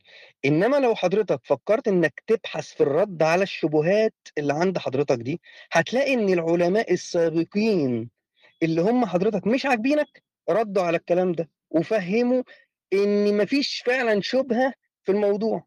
فهمونا إن فعلا الفهم بتاع الحديث اللي أنت مش فاهمه ما فيهوش شبهة إذا فهمناه فهما صحيحا يعني مثلا حضرتك عايز تنكر مثلا حد الردة عايز تشيل حد الردة ليه؟ عشان أنت مقتنع أو فاهم إن حد الردة ده علشان إيه؟ عشان إن المرتد مش مقتنع بالإسلام فلمجرد بس إن هو مش مقتنع للإسلام فهقوم أنا أروح أقتله على طول. لا الكلام ده مش صحيح. الكلام ده حضرتك غير صحيح تماما. طب إيه الدليل إن الكلام ده مش صحيح؟ الحديث في صحيح ال- الإمام البخاري عن عائشة رضي الله عنها عن رسول الله صلى الله عليه وسلم قال لا يحل قتل مسلم إلا في إحدى ثلاث خصال. زاني محسن آه، محصن فيرجم ورجل يقتل آه، يقتل عفوا مسلما متعمدا فيقتل به. ورجل يخرج من الإسلام فيحارب الله ورسوله. فيقتل أو يصلب أو ينفى من الأرض. فإذا دلوقتي أنا عندي رواية وعندي رواية بلفظ آخر في صحيح البخاري أيضا. قال صلى الله عليه وسلم لا يحل دم امرئ مسلم يشهد أن لا إله إلا الله وأني رسول الله إلا بإحدى ثلاث النفس بالنفس الثيب الزاني المارق من الدين التارك للجماعة. طيب هنا دلوقتي العلماء لما جم يفهموا الحديث ده قال لك إيه؟ المحاربة نوعان. لو حضرتك فتحت كتاب الصارم المسلول لشيخ الإسلام ابن تيمية هتلاقيه بيقول لك المحاربة نوعان. محاربة نور باليد عشان نمشي الدور أنا حدي لك بس عشان نمشي الدور نديها هيك باختصار بسيط عشان لسه لسه في حوار يعني في حوار حاضر طويل. حاضر حاضر. تفضل أنا بس أنا حابب أنا حبيت إن أنا أحط إيدي على المشكلة لأن أول أو أولى خطوات حل المشكلة هي معرفه إيه هي المشكلة أصلا. فالمشكلة الحقيقية هي فعلا في الشبهات اللي عند منكر السنة. مش المشكلة في المنهجية أصلا. هم يعني أنا أرى إن الليفل بتاعهم أقل من كده بكتير. هي مجرد شبهات. ما عرفوش يردوا عليها فأنكروا الدين. بس يعني زي بالظبط الملحد الملحد ده يجي يقول لك في شبهات في الدين لا يبقى اذا الدين غلط. مع إن هو نفسه ما يقدرش ينكر ما يقدرش يثبت بالدليل والبرهان إن ما فيش إله ما فيش عنده دليل بحاجة زي كده. طيب فإذا أنا دلوقتي عشان أزيل الشبهة دي لازم أفهم أصلا الحديث بيقول إيه ولازم أسمع قول العلماء بإيه. هل مثلا الحديث هنا ده بيتكلم عن قتل المرتد أول لما يرتد كده سمعت بس؟ إن في واحد مرتد أروح أقتله؟ ب... لا طبعا ما حدش قال الكلام ده ابدا. هل سبب حد الردة تشريع حد الردة أصلا عشان الواحد مش مقتنع بالدين؟ لا برضه ملوش علاقة بالاقتناع. الدليل إنه ملوش علاقة بالاقتناع. الدليل إن في حاجة اسمها استتابة. الاستتابة دي من العلماء من قالوا بالاستتابة الدائمة كمان. وهناك مذاهب فقهية كاملة في الإسلام بتقول الكلام ده إن هناك استتابة دائمة لمن كان مشكلته مع الإسلام هو عدم الاقتناع بالإسلام. يعني لو واحد عنده شبهات مش مقتنع بالإسلام زي ما حضرتك معتقد كده ده ما بيتقتلش أصلا. ده بيستتاب. بيستتاب ليه؟ بيستتاب حتى يتم التيقن يقينا أن هذا الشخص مقتنع اقتناعا تاما بالدين. الله عز وجل في سورة النساء بيقول إن الذين آمنوا ثم كفروا ثم آمنوا ثم كفروا ثم ازدادوا كفرا لم يكن الله ليغفر لهم ولا ليهديهم سبيلا. يبقى هنا كم مرة كفروا؟ أكثر من مرة. هل ذكرت الآية إني أقيم عليهم الحد؟ لا. ففهم العلماء حديث النبي صلى الله عليه وسلم بأنه يقصد الاستتابة. وهناك روايات كثيرة على موضوع الاستتابة ده. فإذا أنا دلوقتي عندي ال- في مذاهب إسلامية قالت بالاستتابة الدائمة. قال شيخ الإسلام ابن تيمية رحمه الله في كتاب الصار المسلول فإن الذي عليه جماهير أهل العلم أن المرتد يستتاب كما في مذهب مالك وأحمد بن حنبل أيضا أنه يستتاب ثلاثا. وقال الثوري يؤجل ما روي رجيت توبته. يؤجل ما إيه؟ ما رجيت توبته. وكذلك معنى قول النخل الكلام ده هتلاقيه في كتاب الصارم المسلول على شاتم الرسول شيخ الإسلام ابن تيمية آه، دار الكتب العلمية صفحة رقم 321 فإذا أنا عندي هنا مذاهب علمية بتقول مذاهب فقهية عفوا بتقول إن الاستتابة هي قصدي هي استتابة دائمة ما رجي التوبة. يعني إيه ما رجي التوبة؟ يعني لو الشخص ده فعلا مش مقتنع بالإسلام ففي الحالة ديت أقعد أقنعه بالإسلام مش هقتله أصلا. طيب إذا النقطة ال- الأهم بقى هو لماذا أصلا شرع حد الردة علشان أستاذ نور أستاذ نور لو سمحت إذا إذا إذا إذا كان ممكن تختصر لو سمحت. حاضر نقطة. بدنا- والله يا نقطة. اختصارا يعني ذهبنا بعيدا جدا عن موضوع طيب الغرفة. دخل طيب طيب دخلنا طيب في أحكام طيب شرعيه تفصيلية وأقوال العلماء يعني ما حاضر نحن حاضر نتحدث عن المنهجية المنهجية بين أهل السنة والقرانيين ما هي منهجيتكم؟ ماشي تفضلوا يا أستاذ. ماشي ماشي أستاذ مش عم تفضل أخ نور. آه، اختم علشان نمشي الدور بعد إذنك. تفضل. أهلا وسهلا فيك. أوكي أنا آسف لو طولت على حضراتكم لكن فعلا والله أنا شايف دي دي وجهة نظري يا جماعة. أنا شايف إن الموضوع مش موضوع منهجية خالص. هم ما بيتكلموش بمنهجية أساسا. الموضوع كله عندهم شوية شبهات. لو تم الرد عليها خلاص هيبقوا زي الفل يعني.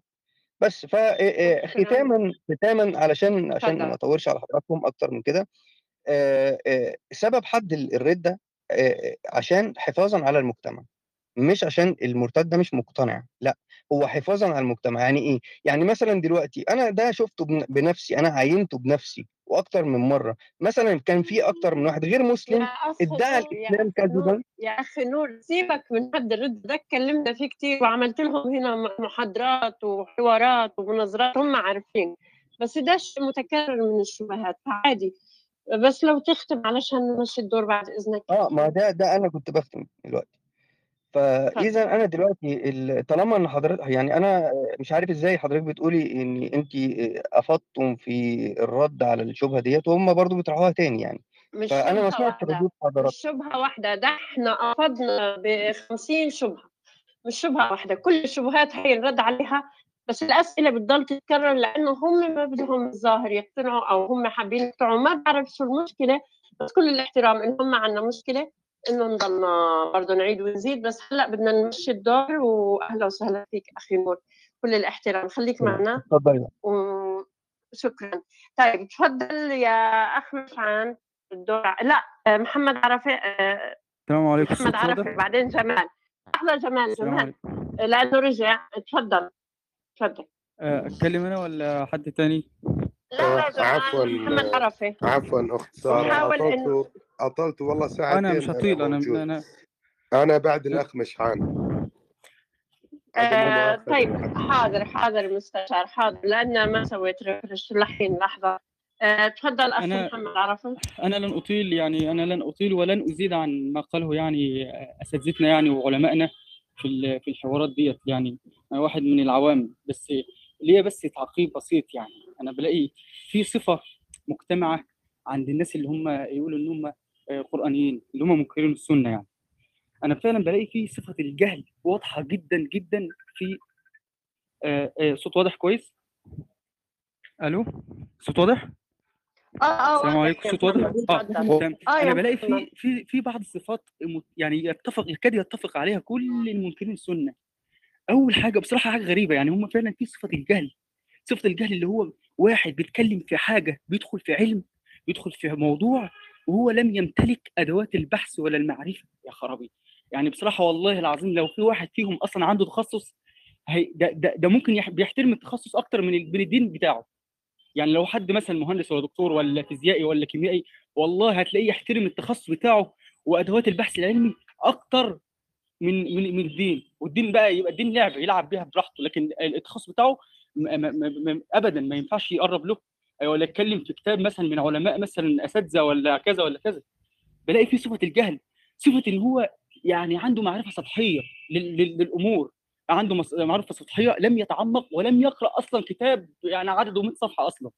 ويجي يتكلم يقول لك آه، حد الردة ومش حد الردة وحاجات سطحية بصراحة. طيب ماشي يا محمد. يا محمد ده الكلام مكرر. خلينا نغ... طيب أنا بس أنا بس عايز أقول حاجة بس حاجة بس يعني كانت عصبتني جدا في حتة إن واحد يقول لك ال- العلم الشرعي قصدي آسف كتب التراث إحنا لا ننكرها ولا نريد أن ننفيها لكن نريد أن نطور عليها ونريد أن نحسنها و- ومن يدريني يقول أحدهم من هو ناكر المنكر يقول من يدريني لعل ال- الكتاب الذي أتى به السلف صحيح؟ اطمئن يا هذا إن علماء الأمة هم أساتذة البحث العلمي وأساتذة التدقيق والتحقيق. هناك من من سافر البلاد كي يأتي بحديث واحد. طيب. وأنت تقول لي وأنت متكئ على أريئتك و- ك- كري- أري- أريئتك؟ على عفوا في ال- في ال- في التوتر يعني بس حاجة بصراحة تعصب. إيه إيه الجهل ده؟ يعني ما لكم كيف تحكمون؟ يعني حد أصلا يقول لك أنا قراني وهو أصلا مش عارف المبتدأ من الخبر في النحو في اساسيات اللغة العربية. طب ماشي أنا يا أنا لا أتكلم محمد معاهم. محمد. طب ماشي أنا خلاص خلاص أهوت خلاص خلاص أصلا مش الموضوع أصلا مش محتاج أصلا كلام ولا إطالة. مش عارف أنا أقول إيه بس أنا شكرا لك شكرا لك شكرا للعلماء يعني. جزاهم الله خيرا والسلام عليكم ورحمة الله وبركاته. الله يخليك يا محمد كل الاحترام. طيب آه الأخ جمال بعدين الأستاذ غازي بعدين المستشار. تفضل أخ جمال. شكرا لك. كلمة التأويل على التوبك العنوان والتفسير والتفصيل والبيان كلها مذكورة في القرآن كل واحدة لها معنى مختلف عن الأخرى. مثل كلمة قتل ونحر وذبح كلها مذكورة في القرآن كل واحدة لها معنى مختلف عن الأخرى. الدين ليس علم ليس كالطب والهندسة لأن الله يقول أقم وجهك للدين حنيفا فطرة الله. ال- يعني الدين فطرة وغريزة. فالدين ليس له علماء. القرآن 2000 6236 آية. أعتقد ولا مرة جمع كلمة العلم مع الدين. يعني ولا مرة قال الله يعلمهم دينهم أو يتعلمون الدين أو علم الدين أو علوم الدين أو علماء الدين أو علمهم الدين. أبدا. بل يقول أن الدين فطرة. هذا منطق القرآن الله عن الدين. وقول الله من بعد ما جاءكم من العلم. ما هو العلم؟ أستاذ نعم، مشعل لو سمحت آه، اترك جمال يسترسل في مداخلته تفضل طيب، آه، أستاذ جمال آسف آسف. شكرا شكرا مشعل. تفضل آه، أستاذ. شكرا لك يا أستاذ. وأيضا يعلمهم النبي الكتاب والحكمة. الدين وأيضا النبي مذكر فذكر إنما أنت مذكر لست عليهم بمسيطر. والقرآن اسمه الذكر أنزل عليك الذكر. ففيه علم وفيه ذكر نزل. الذكر هو من ذكر يذكر ذكرى ذكريات تذكر مذاكرة تذكير. أنه يذكرهم بالدين لأن الدين فطرة موجود بالدي ان إيه عند كل كائن. أنا ودي أكمل على موضوع التطور. أحد الأخوان قال أن الدين لا يتطور. الحقيقة أن الدين هو أول الأشياء التي يجب أن تتطور لأن قانون التطور حاكم على كل شيء. وما لا يتطور ينقرض يهلكه الله نبات أو حيوان أو حتى من مجاميع بشرية من أرقى الأحياء زي قوم عاد وهود ولوط وثمود. هذه مجاميع رفضت التطور فتم إهلاكه والقضاء عليها. الدين الأمم السابقة سبب آه، عدم تطورهم أنهم اتبعوا الآباء. طريقة آبائهم المثلى ومنع الناس أن يؤمنوا إذ جاءهم الهدى إلا أن تأتيهم سنة الأولين. سنة الأولين هي اللي منعتهم من الاهتداء بآيات الله. وكذلك كل أمة يعني تظل هي الحقيقة سبب ضلالها غالبا هو اتباع سنن وطرق الآباء. وشكرا على تحت الفرصة. يا إخوان.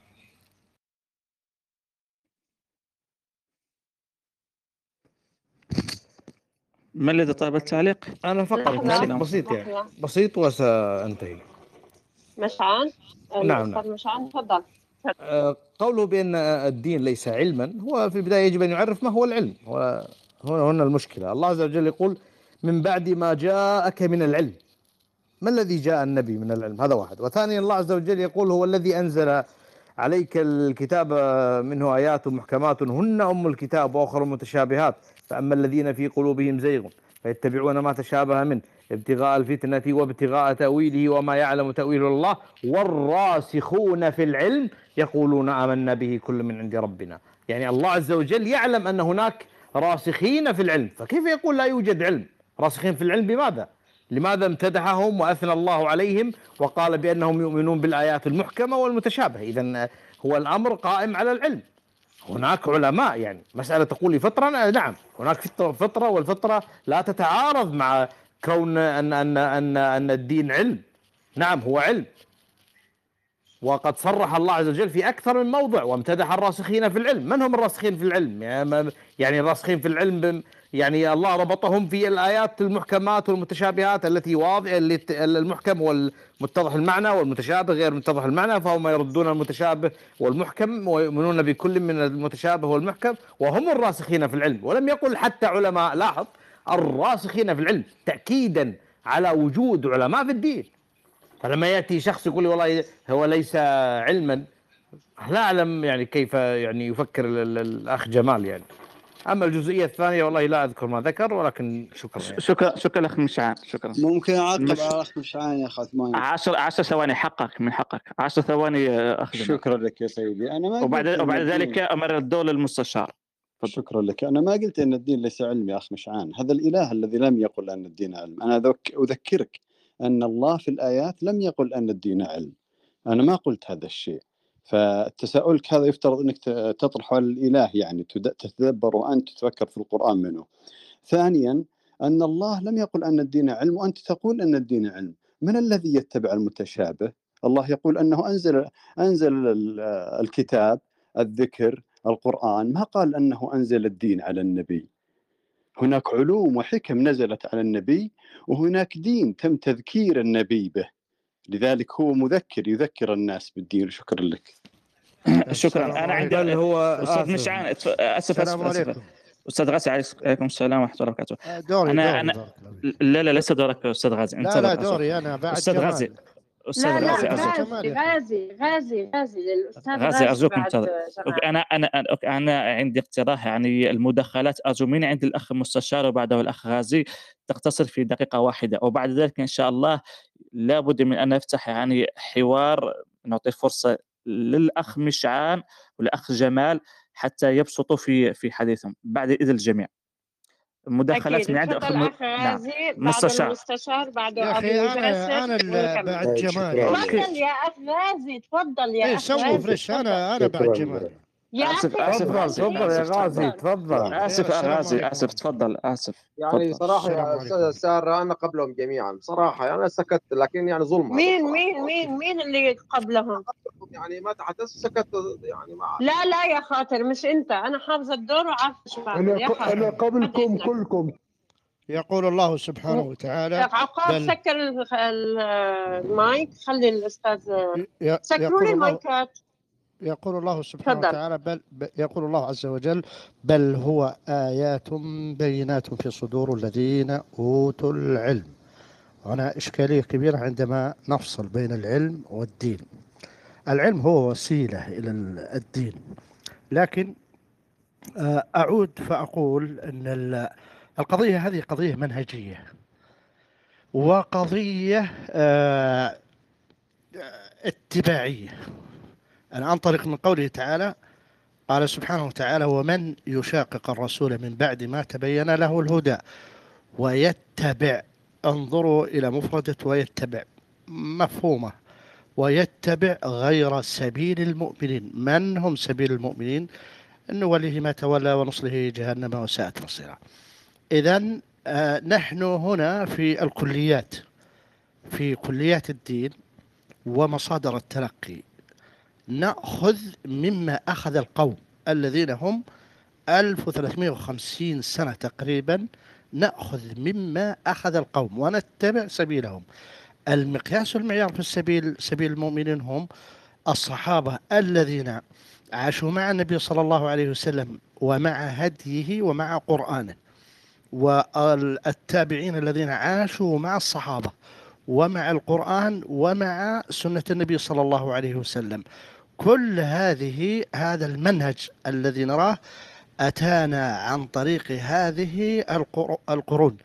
اختلف نعم هناك اختلافات في جزئيات بسيطة جدا مسائل فقهية. من سماحة هذا الدين أنه أعطى لنا مساحة للاجتهاد الاجتهاد إلى يوم القيامة.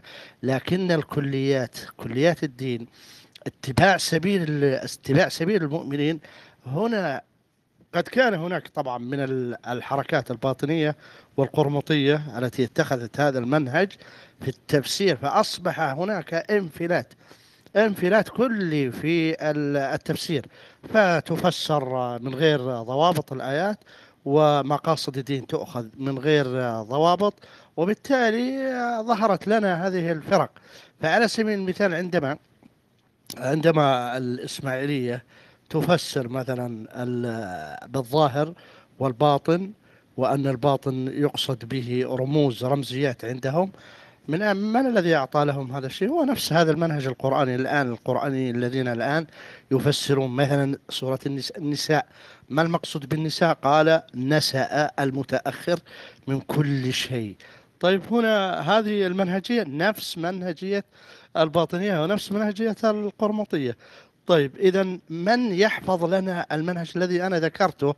الذي يحفظ لنا هم أولئك الذين اتخذوا وحفظوا لنا سنة النبي صلى الله عليه وسلم وأفرزوها بصحيح وحسن وضعيف وموضوع وكل ما صدر عن النبي صلى الله عليه وسلم فقد أفرز وقد حفظ وقد صنف. وسمعت بعض الأخوة يقول التراث يحتاج إلى التراث اكتمل وأفرز. إنما في على سبيل المثال ممكن بعض الفقهاء يأتي بأحاديث فيها أساندها ضعيفة يأتي المحقق ويحقق ويخرج ويكمل ويعزو فقط هنا يعزو. حديث موجود في صحيح البخاري؟ نعم موجود في صحيح البخاري. حديث موجود في صحيح مسلم؟ موجود. حديث أخرجه الترمذي وسكت عنه. لا بأس في ذلك في البحث والصبر على سنده هذا منهج أمة محمد صلى الله عليه وسلم. وما عدا عدا ذلك فهي من منهجية قرمطية. تختار ما تشاء وتفعل ما تشاء وليس لديها ضابط. شكرا لكم. شكرا شكرا الاخ غاطي. تفضل أخ مستشار وأرجوكم طالب. آه، آسف آسف طيب، مستشار. آسف آسف مستشار بعد إذنك الخطار فعلا كان كان قبل بعد إذنك. يا أخي ما في أنا أنا- إحنا من بعد مشعان بكم وقت يعني و... okay ال- وقدمت الخطر الخطر غازي قبلك. إذا كان الخطار okay okay okay مستشار okay okay مستشار okay مستشار, أرجوك هذا الطلب. من اللي معه لو الإدارة؟ أنا ما أدري من اللي يتكلم يعني. أنا أنا أنا أنا عندي أخي إدارة. معلش معلش نقطة واحدة نقطة. تراثي بتراثي بتراثي 60 واحد تراثي وواحد ما يصير يا أخي. مستشار مستشار مستشار مستشار. اسمع مني بس اسمع مني ثواني وبعدها كيفك. خلي واحد تراثي يطلع وبعده قرآني تراثي وقرآني 50 تراثي وبعدين واحد ما يصير يا أخي. كل واحد okay. يطلع نفس الاسطوانه يا مستشار انتظروا انتظروا انتظروا. لحظه لحظة لحظه رجاء تسكير مايكات تسكير مايكات تسكير مايكات تسكير مايكات. لو سمحت لو سمحت. إيه، إيه، ليش أنت معصب؟ طيب مستشار ليه معصب وهذا الكلام يعني؟ أنا مو ما نحن معصب. من قال لك إنه أنا من قال لا مو بالدور. أول شيء مو أنا بعد مشعان ومنبهكم على الشيء لا هذا. أنت مش بعد وقدمت أنت مش بعد لا لا بعدي لا خمسة. لحظة. وقلت أنا الصفحه عندي من آه، 12 اسمع اسمعني اسمعني اسمعني. أسمعك حضرتك أسمعك ماني اصقع أنا. حضرتك. طب ليش الحكي يعني؟ ليه هيك هذا الحكي يعني؟ ماني أنا أقول لك أسمعك أنا أقول لك أسمعك تفضلي. طيب ما أنا ما هد انك ابدع اعصابك برنامج معلش. معلش برنامج يا غازي يا غازي. أنا غازي يا غازي غازي سكر هد المايكات. اعصابك هد تسكير مايكات سكر تسكير المايك يا مايكات لو غازي. سمحتوا. أيوه. آه، أخ مستشار.